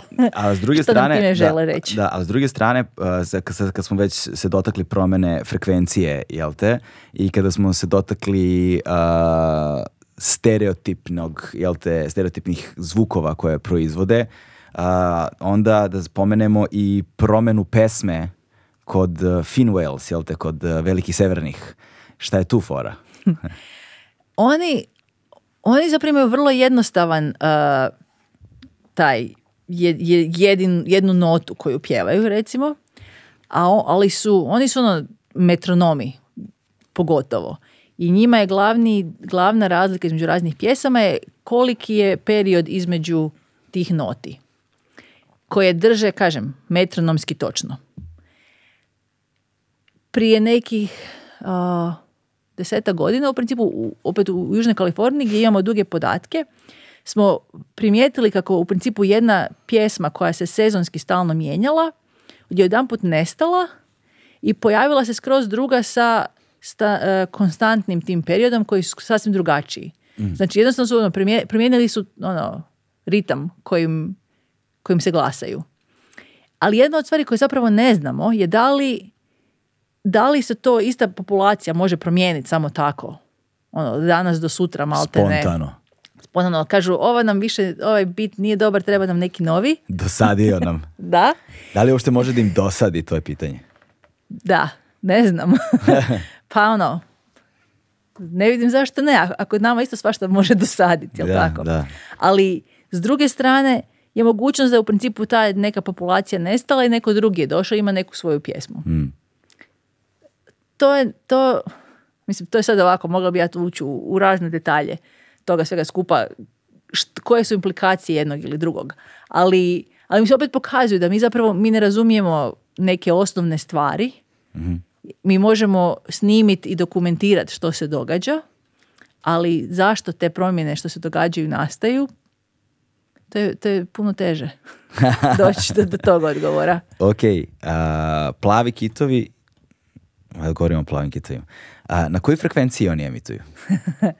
um, trenutno, kažem, ovisi opet gdje si u svijetu, ali ovi u, u Južnoj Kaliforniji, tamo u tom području na Istočnom Pacifiku, trenutno taj neki njihov treći harmonik je zapravo glavni dio koji se, na kojem najviše gledamo, jer to je gdje ima najviše akustičke energije, je negdje, ja mislim, oko 42 Hz, recimo.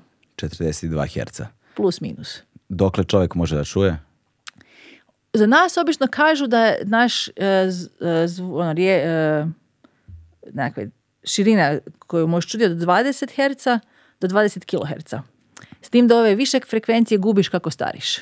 A, ok, ok. Mislim, da mislim ali, da to brže gubim nego što starim. Nego drugi, da.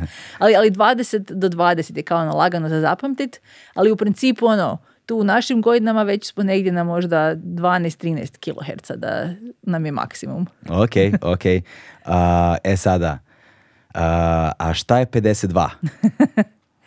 e, um, 52 je zapravo frekvencija jedna koju su 2000, ranih 2000-ih, zapravo kasnih 90-ih, ranih 2000-ih, su uh, čuli po ovim, uz, te sonar operatere o kojima smo prije pričali.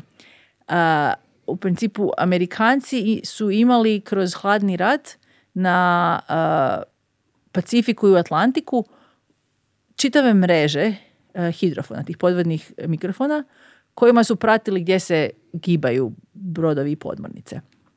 I, i taj, ta cijela infrastruktura eh, je povremeno bila isto i ono dozvoljeno nekim znanstvenicima da, da se služe njome za praćenje kitova. I tu krajem 90-ih je taj jedan eh, znanstvenik, uh, Bill Watkins, je primijetio nekakav neobičan zvuk. E, u to doba, sad bih zapravo trebala pogledati, u to doba zapravo, jer se nekako se frekvencije plavetnih kitova spuštaju. U to doba je vjerojatno frekvencija plavetnog kita bila negdje možda oko 48 Hz, bih rekla ovako, odokalno.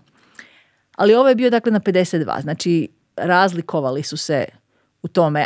A, i, sam taj e, poziv je izgledao drugačije, Nije baš izgledao kao poziv plavetnog kita, ali je bio mu sličan. I Bill Watkins je kroz taj e, čitav, e, čitavu mrežu hidrofona koji su postali, tu životinju mogao pratiti kako se miče po Pacifiku i ono migrira sjever-jug. I objavio je članak 2004. Dakle, Bill, Bill Watkins je kroz tu mrežu e, hidrofona mogao pratiti tog kita zato što je zvučao drugačije od svih ostalih. I pratio je kako se kako putuje po, mhm. po Pacifiku. I objavio je članak 2004. Uh, o, o tom neobičnom zvuku i ljudi su ga prozvali 52 Hz whale, kao kit od 52 Hz. ili mi ga isto zovemo Watkins whale ili Watkinsov kit, mhm. prema, jeli tom Bill Watkinsu kolegi koji je ga prvi zabilježio. Ok. I um, u principu to je ovako jedna, jedna crtica, to je zapravo jedna vrlo, kad, gledaš to znanstvene strane, to je jedna random točka Anomalija. koja ti pokazuje da, da ima tu nešto drugačije što se događa, a, ali nije to nužno, ja mislim, izazvalo neki veliki bilo šta u, znanstvenom svijetu. ali nekad, ne znam, ono, neko vrijeme nakon toga, u nekom trenutku, bilo, bilo zapravo bili su na ono novinski članci, bilo je to zanimljivo. Ljudima je, kažem, kao što smo rekli, kitovi su im zanimljivi. Tu se nešto čudno događa, mi ne razumijemo puno toga i onda, jeli, bile su novinske priče. I nekako je iz toga kroz godine izrastao taj nekakav mit o tome kako taj jadan jedan kit koji je sam, ono, ne pale sam na svijetu, ono, kit sam na svijetu kojeg niko ne čuje i niko ga ne razumije i on je sam. Pre, pre bih rekao da ga ne razumeju samo. Čuju ga valjda. Mislim da su, da, ljudi su tu imali razne interpretacije toga. da. što, to znači, je li, da, da, on se glasa, ali njemu se niko ne javlja. I sad, sad tu ima, tu ima gomila toga što mi pretpostavljamo u svemu tome skupa. Da, da. A to je da Mislim, jer on, on čuje sve ostale oko sebe Aha. I, i oni čuju njega. Jer to su, te frekvencije su toliko blizu da, oni znaju da mislim, moraju se čuti. Kako, kako oni to percipiraju među sobom i šta to njima znači, da sad ovaj zvuči drugačije. Mislim, s jedne strane, obzirom, obzirom na to koliko su ti plavetni hit, e, kitovi sinkronizirani, da svi imaju isti, isti ton, mm. ta mala razlika je vjerojatno značajna i vjerojatno znaju da je bijeli to nešto drugačije. Ali kažem, što to njima znači, to je nama neznano. da, ali je bilo dovoljno da unutar popularne kulture njega proglase the loneliest whale in the world, jel te najusamljeniji kit na svetu, koji je to tako već decenijama traga, traga, za prijateljstvo i partnerima, ali je sam jer ima drugačiju frekvenciju, malo drugačiju frekvenciju od ostalih kitova i nikomu prosto ne odgovara i taj simbol usamljenosti ima to je kad govorimo o antropomorfizaciji jel te, ono, životinja je ostavio snažan utisak na ljude koji su postali fascinirani tim usamljenim kitom mm-hmm. najusamljenijim kitom na svijetu toliko, toliko fascinirani da ne samo da su svašta pisali, nego da je u, jednom trenutku uređeni dokumentarni film o potrazi za tim kitom. Da. Tako, a u tom dokumentarnom filmu si ti. Točno. tako, tako da potražite film uh, Search for 52 The Loneliest Whale in the World. Jel te? I, ovaj, I tu možete vidjeti kako Ana ovaj, uh, baca ove... Sona Buiz, da. da, da, ove... Bo, bo, sonde, sa... sonde, sonde uh, u, u, u okean i ovaj, kako kače tagove na kitove i kako se približavaju skupinama velikog broja kitova u isto vreme i svašta nešto o čemu si govorila, jel te? Uh, tako sam ja između oslog saznao za tebe. Na letu, ono, iz Hanoja za Istanbul, Turkish Airlinesom, ovaj, u 9 sati leta, naletao sam na sekciju dokumentarnih filmova u avionu i, ovaj, i bio je taj film. I onda sam ga odgledao i video tvoje prezime, stavili su Ana Sirovic i onda sam bio fuzonu, ovo mi zvuči previše slično Razmijenila sam toliko ono mailova s njima da im kažem kako je da napišu moje prezime, ali eto. Ali na kraju opet ništa. Džabe, dija kritike su im previše teške da bi ih razumeli. Ove, ovaj, I tako smo stupili u kontakt. Pronašao sam te, ti nemaš društvene mreže, pa jedva sam našao neki tvoj mail preko nekog norveškog univerziteta, poslao ti, tako smo stupili u kontakt i evo sad snimamo.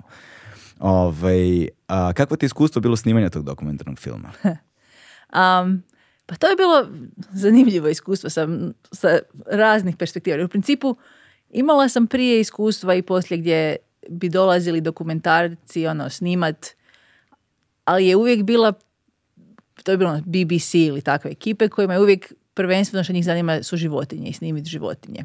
Dok je ovo bilo drugačije jer je zapravo bila priča o zapravo i o tom e, redatelju koji je njegova potraga u principu, ali onda je i nas uključio u tu cijelu priču, tako da nije bilo sad samo, ne radimo dokumentarac, ono, prirodni dokumentarac, nego radimo dokumentarac o toj, toj potragi. Um, I zapravo, ono, kako, kako sam ja uopće upala u to, isto ovako, cijela priča jer mi smo um, negdje između toga kad je on nas kontaktirao prvi put, ne znam, 2013. 14. vjerojatno, ali nakon tog uh, Votkinsovog članka uh, smo mi imali neke uh, studente koji su zapravo gledali u podacima koje imamo mi iz tog područja Južne Kalifornije, da li i kada se pojavljuje taj Watkins whale u tim podacima. Tako da smo zapravo znali nešto više nego što je pisalo u Watkinsonovom e, članku. I, uh, I sad Josh Zeman, uh, taj režiser tog filma i dokumentarca, on je, ja mislim, onako putovao raznim dijelovima uh, bioakustičkog ovako miljeja.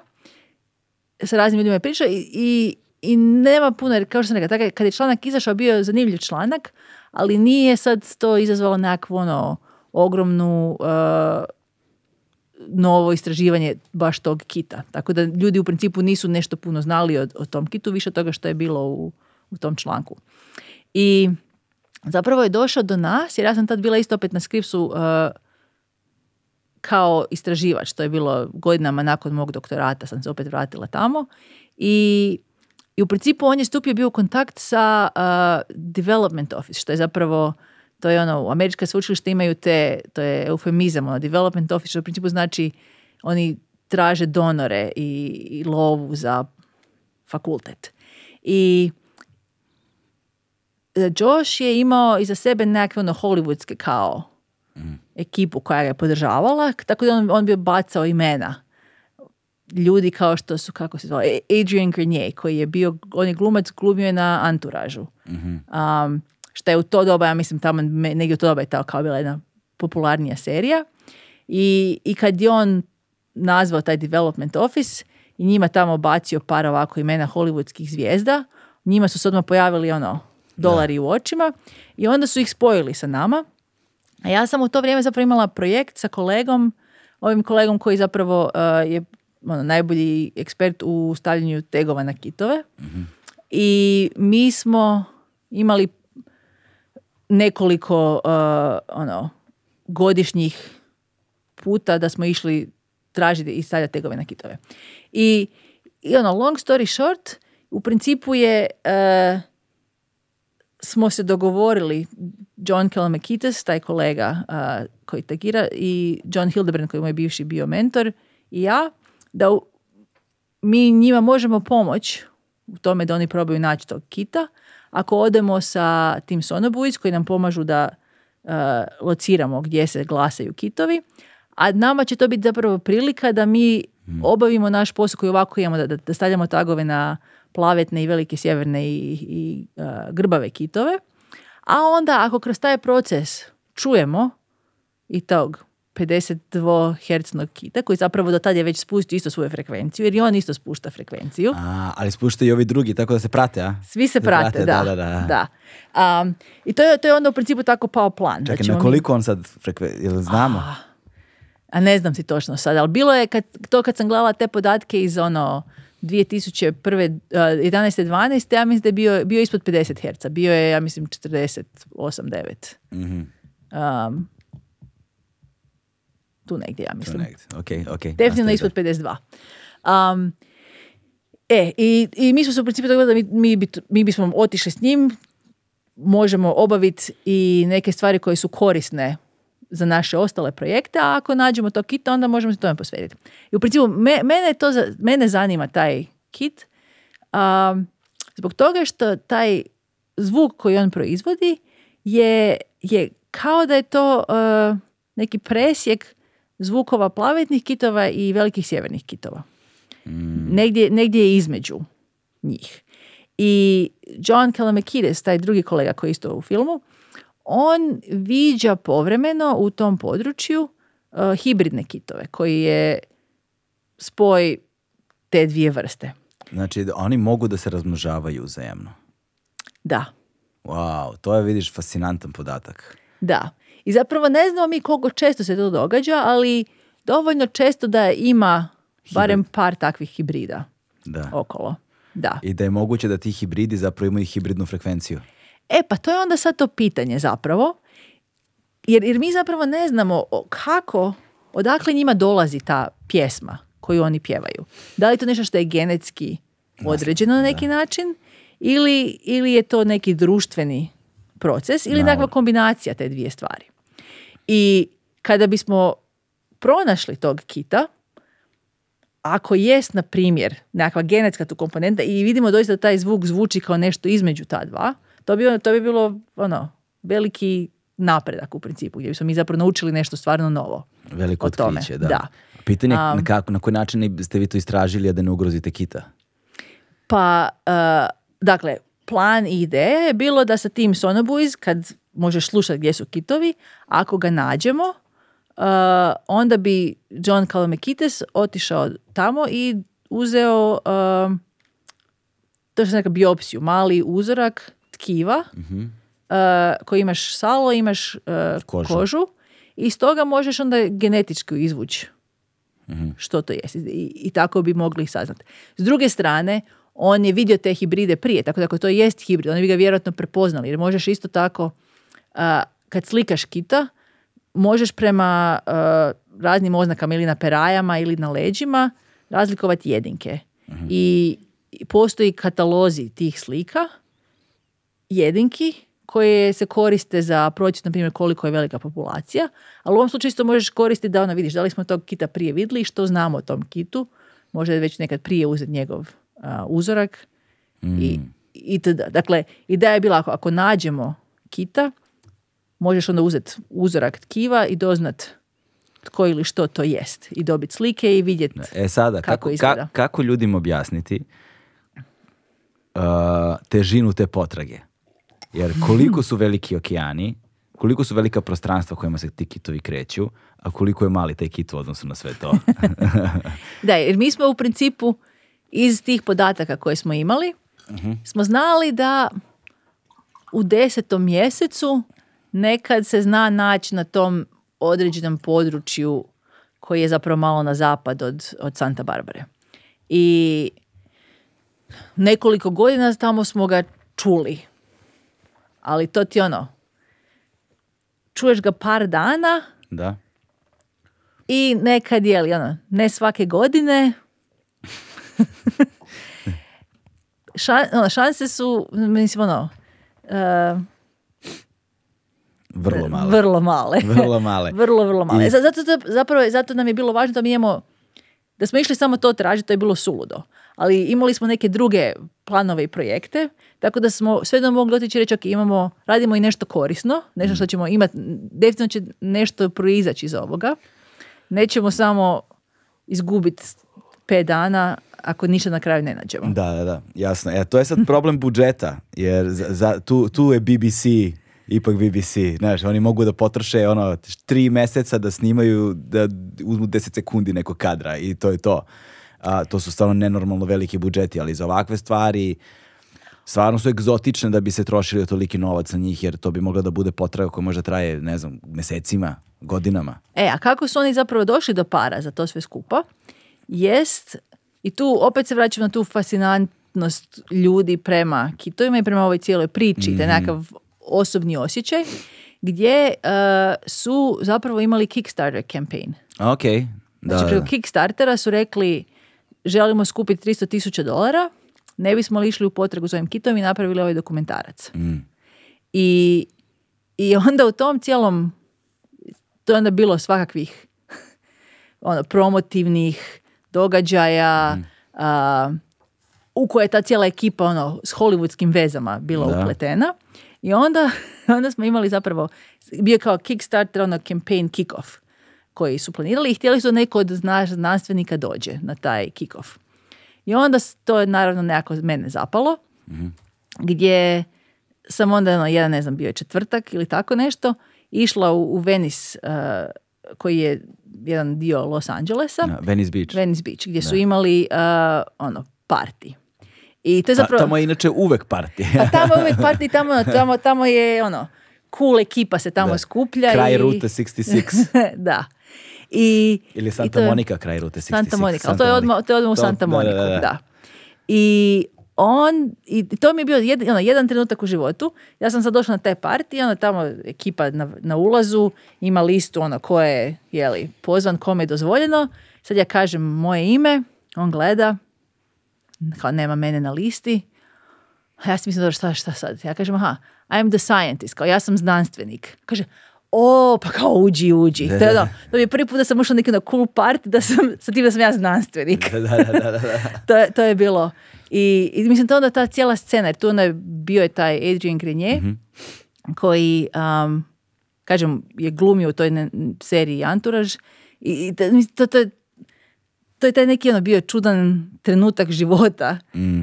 gdje se nađeš u paralelnom svemiru gdje oni ono ta, uopće ne mogu pisati ta nekakva scena ono hollywoodskog partija i kako to izgleda za, za, za ono, skupljanje para za a, dokumentarac je ali, je ali, ali to je ono što se meni dopada sada na ruku, na stranu tog kako, je, kako se dokumentarac završava i koliko je uspešan vaš projekat i šta je bilo na kraju s tim kitom, koga zanima, neka, pogafa traži dokumentarac i pogleda. Ovaj, ali ta vrsta približavanja kroz kulturološke fenomene je dosta važna zato što na kraju krajeva ti isti pop kulturni fenomeni su učinili da ti kitovi budu spašeni.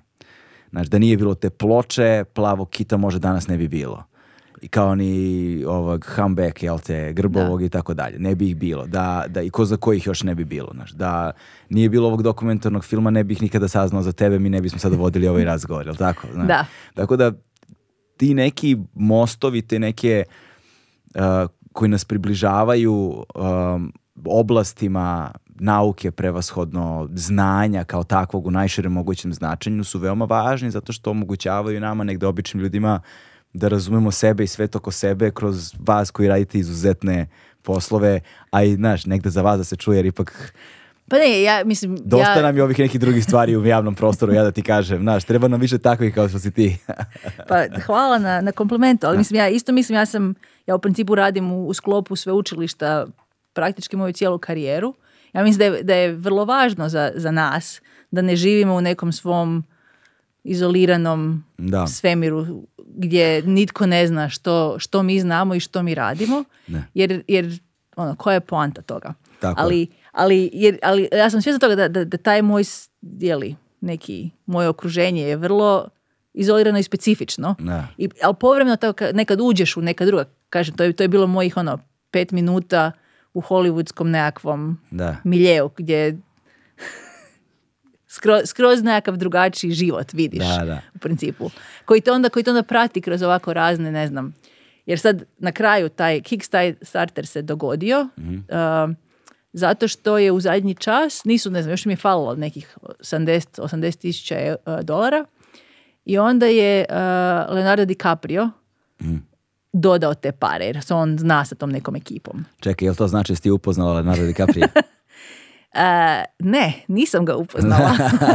Ali to je uglavnom prvo pitanje koje kad netko to gleda vidi onda da je bio Leonardo DiCaprio. se a, si upoznala Leonardo DiCaprio. Nisam. dobro, dobro, dobro. O, e, da, da se sad prebacimo na neke važnije teme. E, šta si radila, kada si živjela na Aljasci? To je bilo od 2008. do 2011. uh mhm. bilo u vezi sa poslom? Mhm. Da, šta si tamo radila? Tamo sam e, bila profesor na sveučilištu, mm jednom malom da, sveučilištu u enkriđu. Ok, a, ovaj, a u Norvešku si se prebacila kada? 2021. prije skoro dvije godine. Pre dvije godine i tamo mm-hmm. si mhm. profesorka isto. Da. Da. E, Norveško sveučilište za znanost i tehnologiju. Dobro, i šta predaješ? i ja sam u principu, ja sam u, u zavodu za biologiju, mhm. ali držim sve morske preme. držim uh, biološku oceanografiju mhm. i morsku ekologiju. To je jedan je za magisterije, drugi je do, do diplomski studij. Ok, dve, teme koje me sada imaju još zapravo četiri teme, ali polako. Ovo, ovaj, ali dve teme sljedeće koje me zanimaju jeste malo više o migracijama plavokita. mm Ovaj, šta znamo jel te, o migracijama ovaj, i o njihovom značaju, ovaj, zašto se dešavaju stvari koje se dešavaju. Ovaj, I s druge strane, onda bih započeo kroz kretanja kitova, jel te, bih započeo priču o zvučnom zagađenju Uh, mora i okeana i kakve to posljedice ostavlja i šta nam pokazuje rast tog zvučnog zagađenja kada ga posmatramo kroz vreme sa razvojem tehnologije i transporta. Dakle, eh, plavetni kitovi i većina tih eh, balenopterid kitova, oni tradicionalno nekakav ono, naš, naše viđenje što, što oni rade i oni ljeti provode eh, vrijeme na visokim geografskim širinama, na, polovima u principu ili ostalim nekim ako vrlo područjima gdje je more vrlo produktivno, ima jako puno njihove hrane i tamo jedu. Um, a onda pod kasnu jesen kad zahladi oni se spakiraju i putuju na jug, to jest na sjever ako su južne poluci, dakle idu prema ekvatoru gdje onda nominalno bi se oni trebali pariti. To je Nominalno. To je to neznan dio. Vjerojatno tamo zapravo imaju, imaju mlade. Jer je to lakši, to je, to je mjesto gdje je lakše uh, metabolist, ono sa, sa nekakve metaboličke strane uzdignut malog kita da malo naraste brže. I to je taj nekakav godišnji ciklus kojim se oni obično kreću. S tim da, i to, to je ono, prilično tako tradicionalno, to, to se tako kaže. To oni rade. Ali zapravo postoji tu puno ono, kompleksnih detalja gdje zapravo vjerojatno ne, ne, ne putuju baš svi kitovi svake godine baš skroz tako. A, pogotovo, na primjer, veliki sjeverni kitovi, oni su malo, ja mislim, drugačiji, gdje oni se manje miču. Plavetni kitovi da, da dosta se drže te standardne rute, dok plavetni kitovi, ovi e, veliki sjeverni kitovi su možda vole biti na višim geografskim širinama duže vremena. I mi to u principu znamo baš iz akustike, gdje, gdje kad mi imamo snimače u moru cijelu godinu, možeš ih čut kada bi mislio da možda ne više tamo ne bi trebali biti. Aha. Tako da znamo da se tu nešto... Znači, geografski i vremenski frekventnošću ti možeš da pratiš zapravo njihova kretanja. Ovaj, da. li si ne, ih nekada pratila i zaticala na raznim lokacijama? Misliš da baš fizički, fizički išla za njima? ne. to je ono naj, brzinom se kreću kitovi uopšte, vi ne znam. Pa kad, ono, ako, ako hoće ići, mogu ti plivat do nekih, ono, 30 čvorova. Koliko je to? ne znam ništa o čvorova To ti je ono, 50 km na sat. Mhm, dobro, dosta su brzi. Mogu biti brzi. S obzirom da su glađe ono, ogromne. da. Oni tone pomeraju. Ali, ali tu je ta, ja mislim, njihova ono, uh, forma kao ono, torpeda je vrlo važna, zato, zato jesu, vrlo su, ono, imaju mali otpor. Da, uh, aerodinamičnost. da, ali um, hidrodinamičnost. Hidrodinamičnost, pardon, da. ali, um, šta sam htjela reći? Uh, ih pratila nikada? Nisam ih pratila, ali u principu kako, kako mi njih pratimo, pod navodnicima, jest postoje i satelitski tagovi mm koje mogu se uplantirati na duže vrijeme i onda tako možeš vidjeti kuda, kuda idu. Na koji način se oni implementiraju?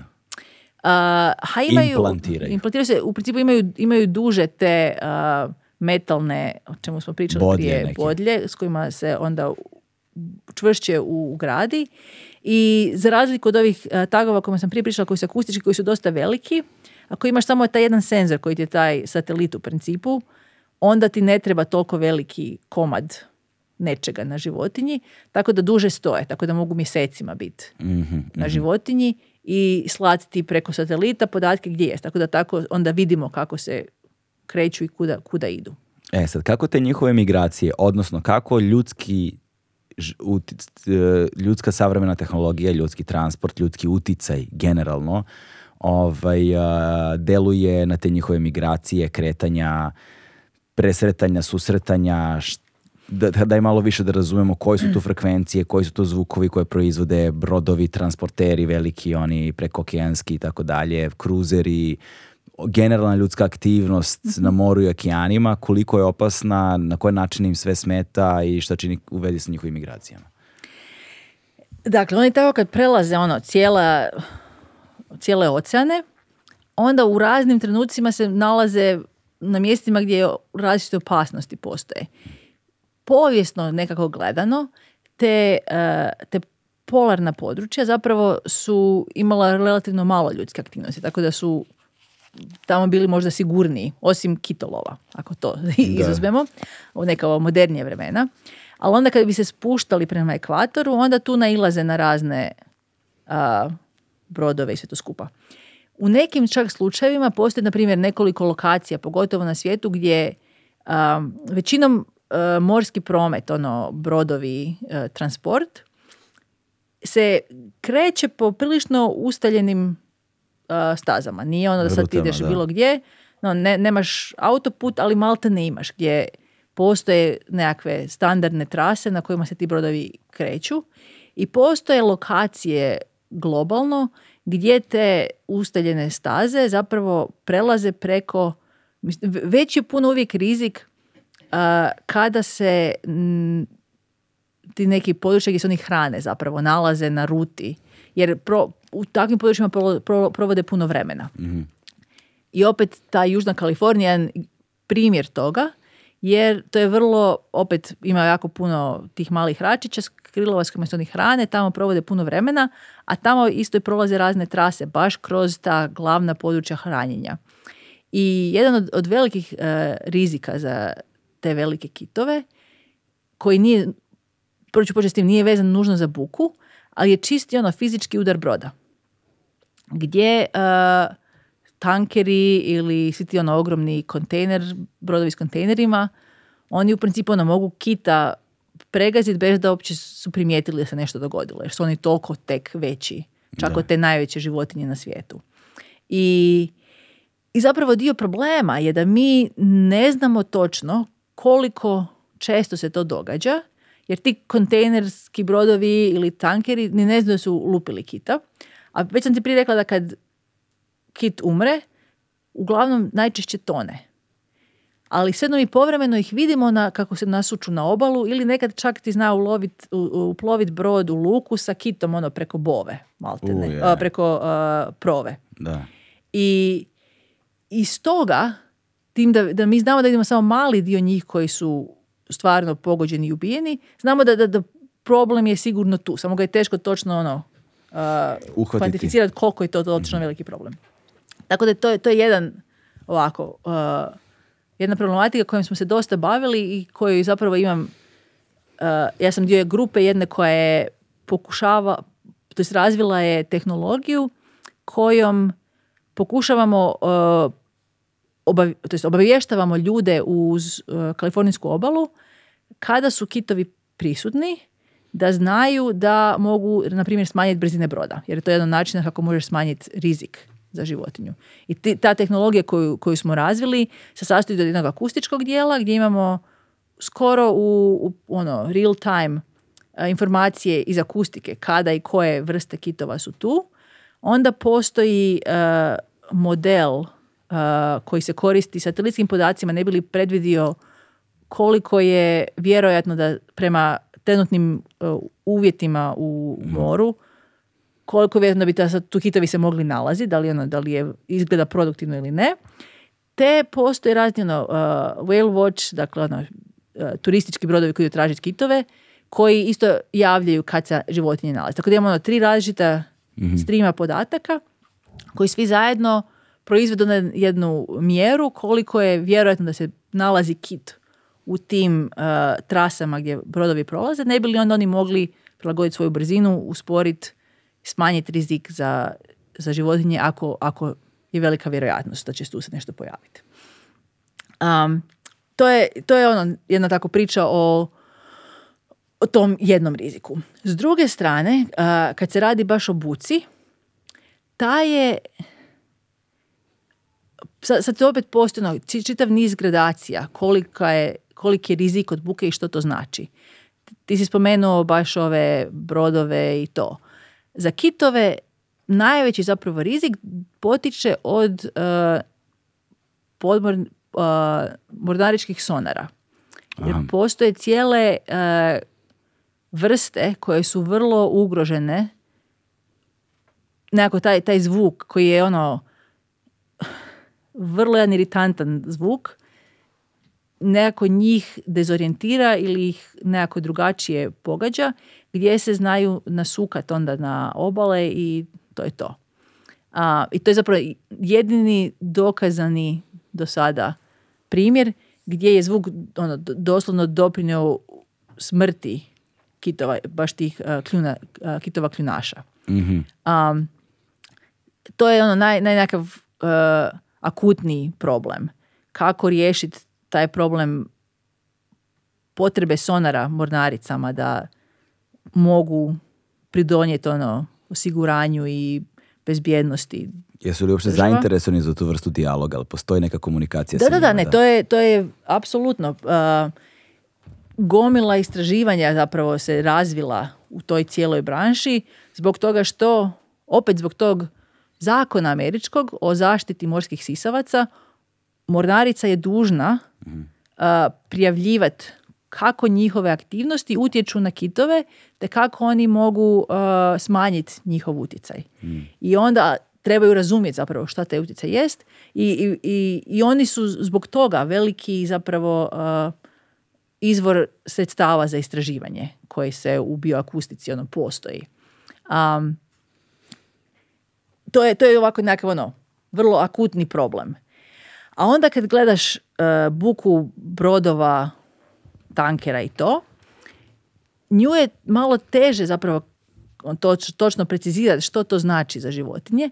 Ima nekakvih indikacija da možda um, doprinosi većem, većoj razini stresa. ovih hormona koji doprinose stresu. Um, jer ono, možeš ti misliti, ako, ako sjediš, ne znam, negdje u, u kafiću uz autoput i stalno imaš tu nekakvu buku. Da to nije baš isto koji sjediti u parku i... Jeste, da, ali sad mene zanima kako se meri nivo stresa u kitovima.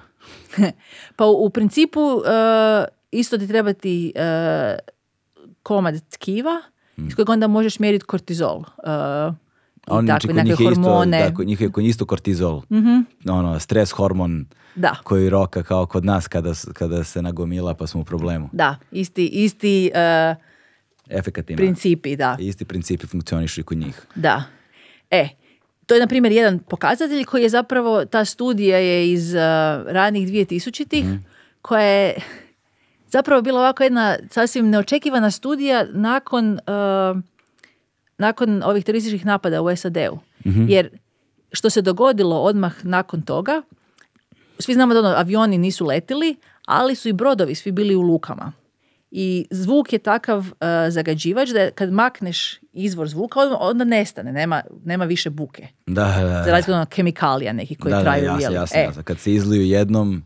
E, dakle ovo kad, kad su brodovi ostali u lukama, uh, odjedanput je more bilo tiše nekoliko dana. I igrom slučaja su bili ti uh, istraživači koji su zapravo radili drugi neki eksperiment na kitovima i imali su te podatke o njihovim uh, o tim stres hormonima Aha. i onda kroz sljedećih godina su opet dalje to nastavili i vidjeli su ogromne razlike u tome koliko je bilo u tom mm. periodu nakon tih napada i, i kasnije kad se uh, promet vratio. Sad, to nije ono, to nije eksperiment kakav koji ti ono, da se ti namjerno manipulirao, to je više bilo ovako slučajna jedna. Slučajni uzrok. A onda me zanima kako je COVID uticao?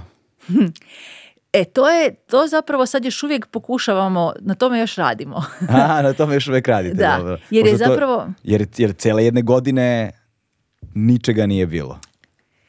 Nije tome baš tako, naime. Aha, okay. Jer je bila zapravo razlike u tim ciklusima šta se gdje kada događalo i početka ono, Eh, tamo treći, četvrti mjesec je stvarno bilo ono ništa, ali onda na ljeto, barem, barem kažem opet u Americi, uh, jedna od ono sigurnih aktivnosti što si mogao raditi ići van svojim brodom na more. I onda nemaš tih velikih brodova, ali su se pojavili ono mali osobni personalni e. lični brodovi ono privatnom vlasništvu, da, da, da, Tako da buka je drugačija onda bila. Mm. I sad je to jedna, sad je to jedna varijabla koja drastično menja prikaz tako, dakle, svega. Tako da je to onda, onda teže vidjeti, da, Ali to je, mislim, kolege, ono, radi se na tome da, da vidimo što se tu dogodilo i šta možemo mi zapravo naučiti. Nemate nekakve preliminarne rezultate, ništa? Pa nisam još vidjela da ništa, ništa konkretno. Ali, na primjer, 2020, dakle ta COVID godina je bila ta godina kad je taj veliki sjeverni kit zalutao u Velebitski kanal. Da. I bio tamo ono danima. Sad, kad imaš tako ono jedan događaj u koliko desetljeća, onda, onda je teško reći da, da li, to sad, da li on bio, da li bi on bio tamo da nije bilo covida, da nije bilo manje prometa svugdje po Jadranu. Da. Ne znam. Kako je primećeno uopšte? A, pa u principu primjećen još kad je bio negdje dole južnije. On, on se ono muvao se po Jadranu mjesecima. Jer znam da su bile prvo priče negdje u še, sedmom mjesecu da je Viđen bio dole kod Šolte i mislim da je to zapravo da prvi put negdje tamo kod Šolte ili primošte na tom području prvo je bio Viđen. Onda se gibao više e, mhm. na ono, oko Kornate, onda je zašao nekako tamo. To jest, zašla, bila je ženka zapravo. A, dobro, dobro, dobro, dobro, dobro, bila je ženka. da li zanimljivo je ovo zapravo za COVID i način na koji kada je taj transport zaustavljen, koliko, jer znam da sam negde slušao ili čitao, nisam siguran kako je ta manja buka u okeanima, mislim kao zabeležena je prosto manja, ovaj, ali ne znam u odnosu na šta je bilo. Nije bilo u vezi sa kitovima, konkretno nešto drugo je bilo posredi, nije, nije ni važno između ostalog. ali koliko ti pomaže, radite ono vizualizaciju podataka, da zapravo kroz ono data visualization vi dobijate nekakve jasne pokazatelje kako su se stvari menjale kroz vrijeme?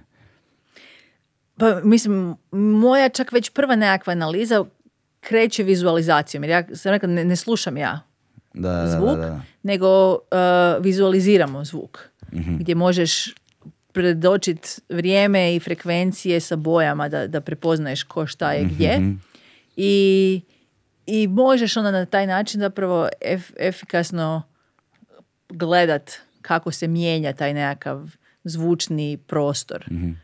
kroz vrijeme.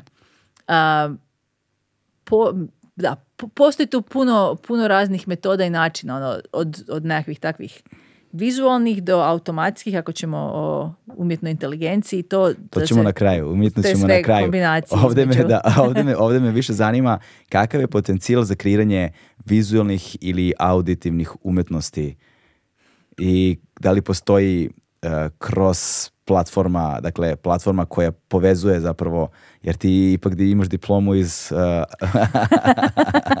kreativnih studija. kreativnih studija i, a, i arci, te umetnosti. Da.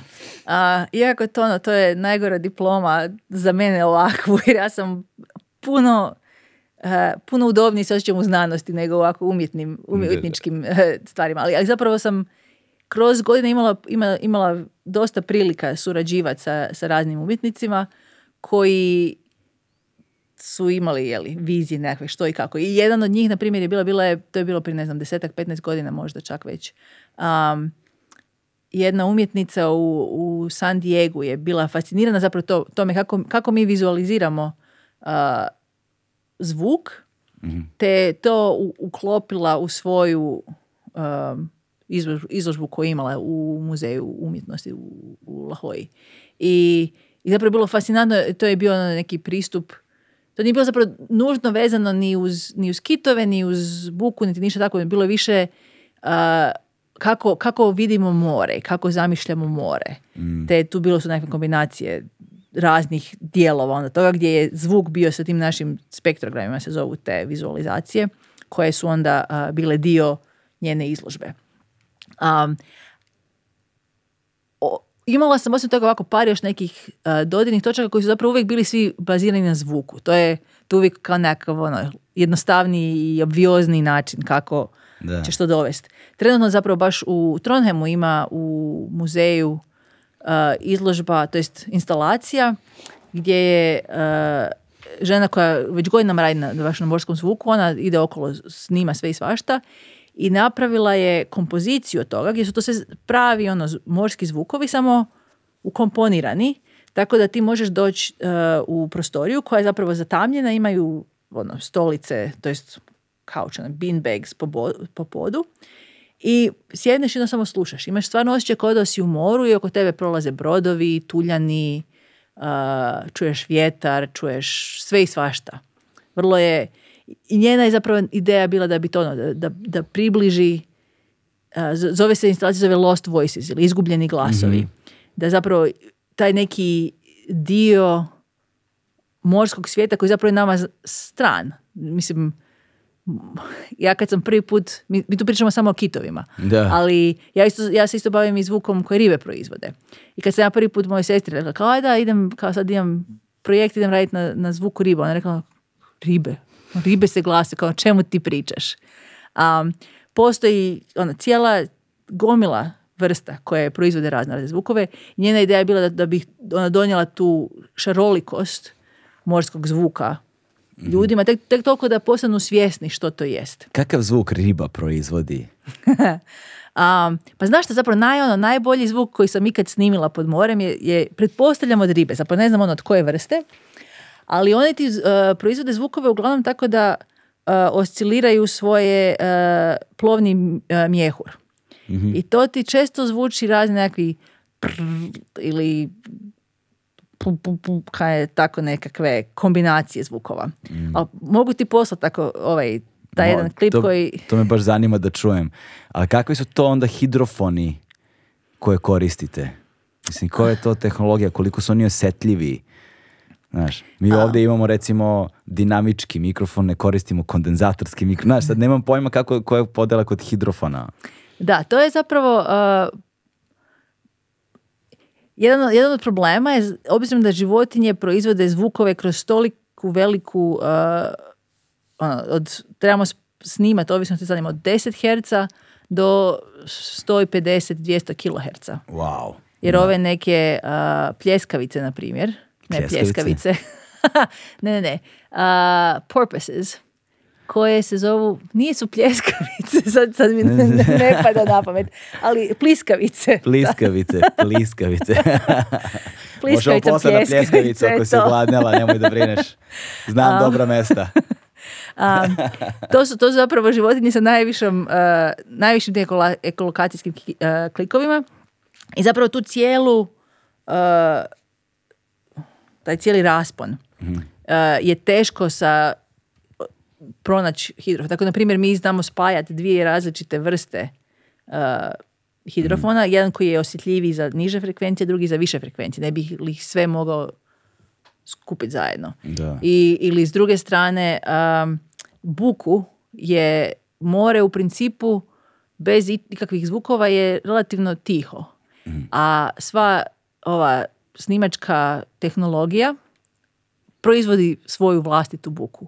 I onda imat e, hidrofon koji je dovoljno tih, koji nema nikakvih elektroničkih zvona. Da, smetnji. E, da, da bi ti mogao stvarno pravi nivo buke u moru snimiti isto e, prilično zahtjevno. To su vrlo specijalizovani onda uređaji i vrlo skupi, pretpostavljam pa ono kao svemu, to je ono koliko para toliko muzike. Ja, da, da, da. A, možeš... Tol, toliko muzike kitova, znaš. da. I možeš ti naći ono, neke jeftine a, za, ne znam, par sto eura, a, ali s njima ćeš i ograničeno što ćeš ti moći s njima. Za neke malo bolje, ipak to će koštati nekoliko tisuća eura, možda čak a, samo hirom. I zapravo, uglavnom, ako nisi baš ono sam na brodu i negdje spuštaš taj hidrofon u more, u principu imaš cijeli instrument koji dakle, tu trebaš imati uh, nešto na što ćeš snimiti, to sve skupa, ono, uh, AD konverziju, uh, cijel, cijeli taj elektronički sustav, mm. baterije, to je li. Svašta nešto tu mora sve, sve tu mora biti, svašta, sve to košta. u suštini, da da. Da, da, da, to je, vidiš, vrlo zanimljivo, ali onda se postavlja pitanje, jer eto, tvoja specifičnost je u tome što si se našla u okolnostima koje su ti se otvorile onda kada si imala neki idealan spoj elektrotehnike i biologije, znaš, koji se ne sjeća često.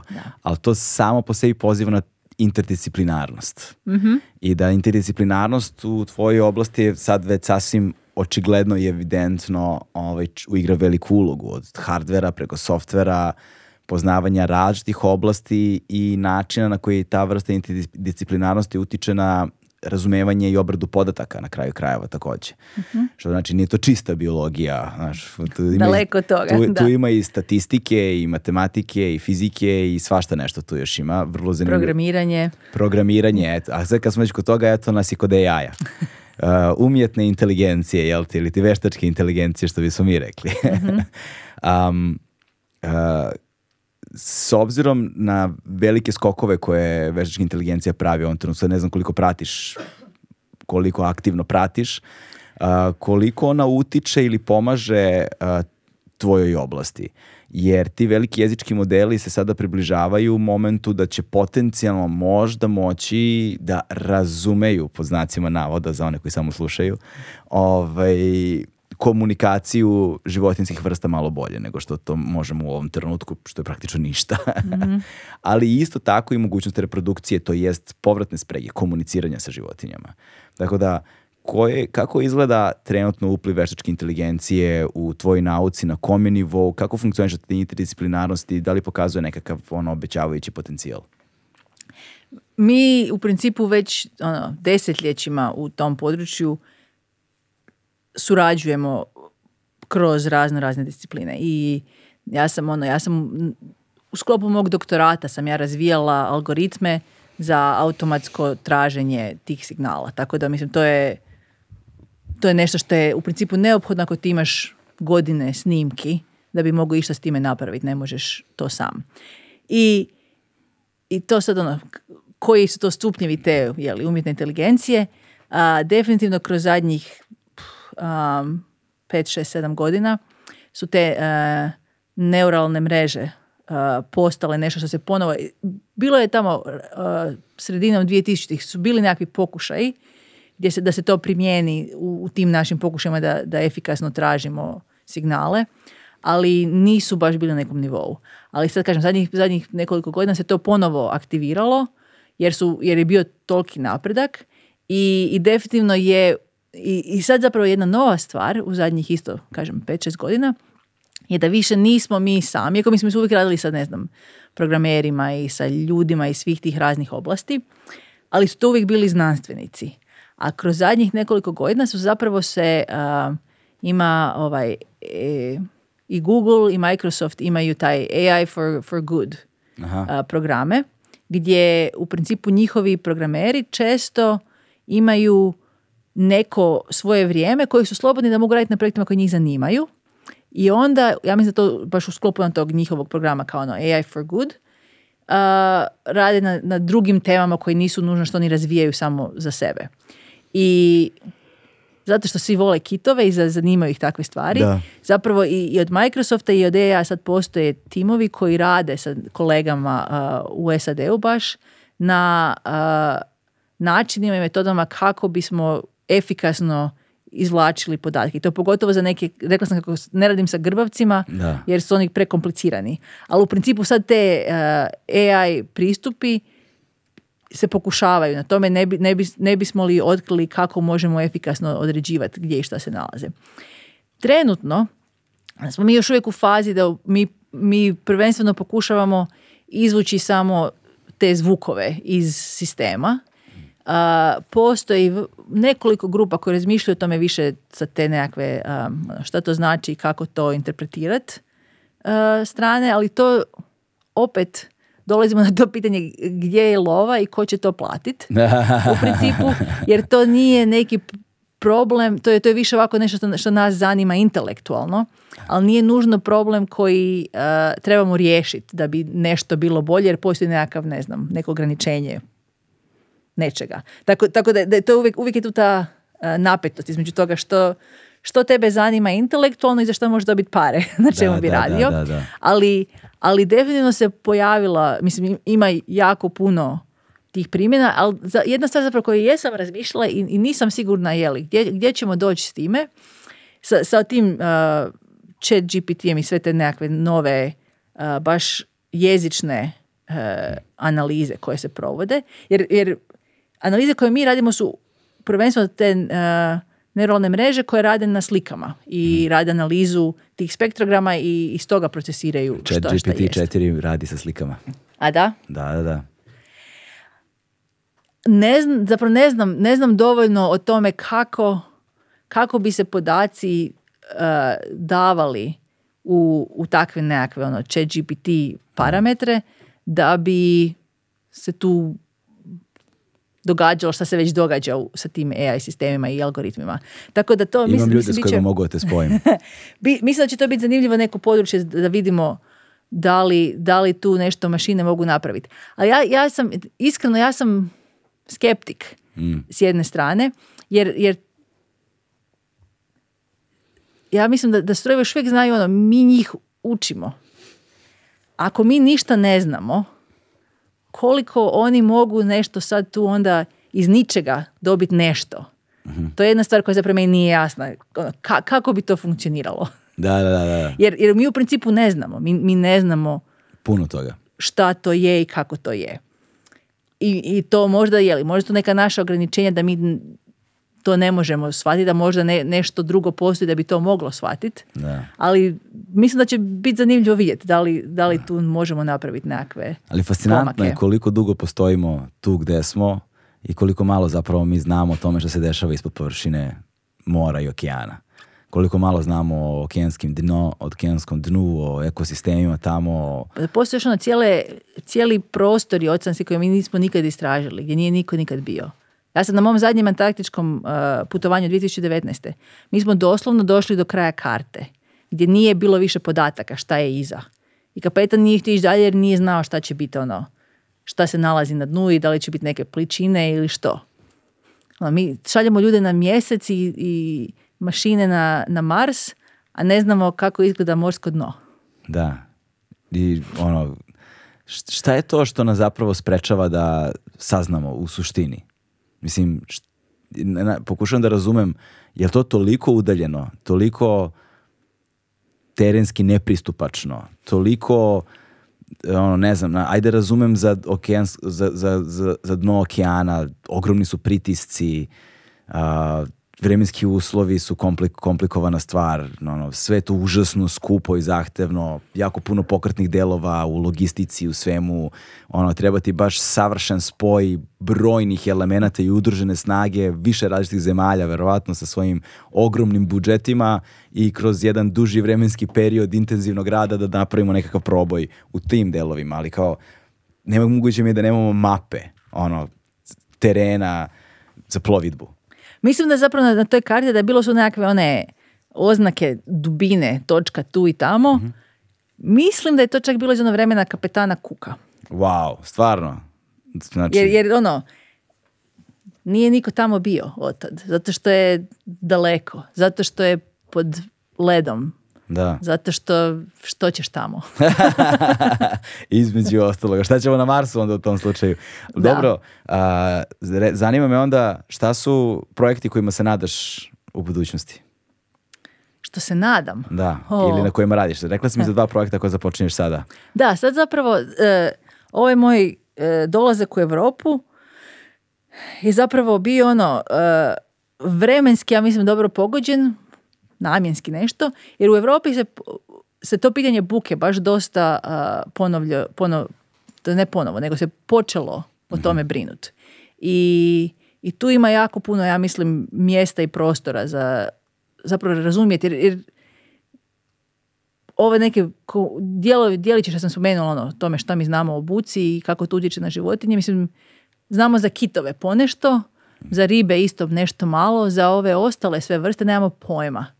Tako da jedan od projekata na kojem ću sad raditi e, sljedećih par godina, imamo e, projekt da gledamo kako ove e, vjetrenjače koje su na moru, kako zvukovi koje one proizvode utječu na cijeli ekosistem. Mm. I sad to je sa kolegama diljem cijele Europe, a naš dio u Norveškoj će biti da gledamo kako utječe na kopepod, što su ti ovako jedan mali zooplankton, Aha. koji je zapravo osnova hranidbenih lanaca u sjevernim morima. I, i to, to, mi je, to mi ovako jedan, jedan novi skroz područje koje me vrlo zanima i veseli da vidimo šta, šta ćemo tu doznat. Ostavljaš malo kitove na miru. A, a kitove još uvijek, još uvijek su tu. Ima, imamo drugih aktivnosti s kitovima, pogotovo sad ono po Jadranu i tamo što se događa. Ali za kitove zapravo jedna stvar što, se nadam i što radim na tome da dobijem nekakve projekte.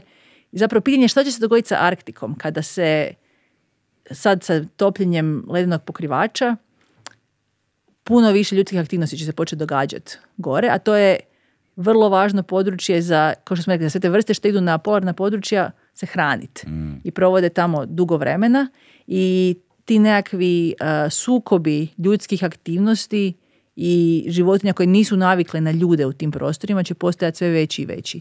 I zapravo vidjeti što, što će to sve biti, šta to je, kako, kako se bakće s tim problemima i nešto što mislim da je jako važno općenito, nešto što mene vrlo zanima. Mm. Tako da mi je to, Norveška u principu dobra lokacija za, za takva pitanja. Nadam se da će to biti jedan, jedan od smjerova za budućnost.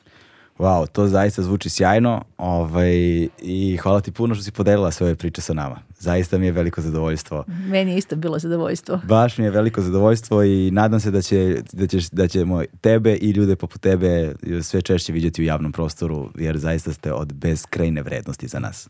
Hvala ti puno. To je to. Hvala Stigli smo do kraja. Ćao.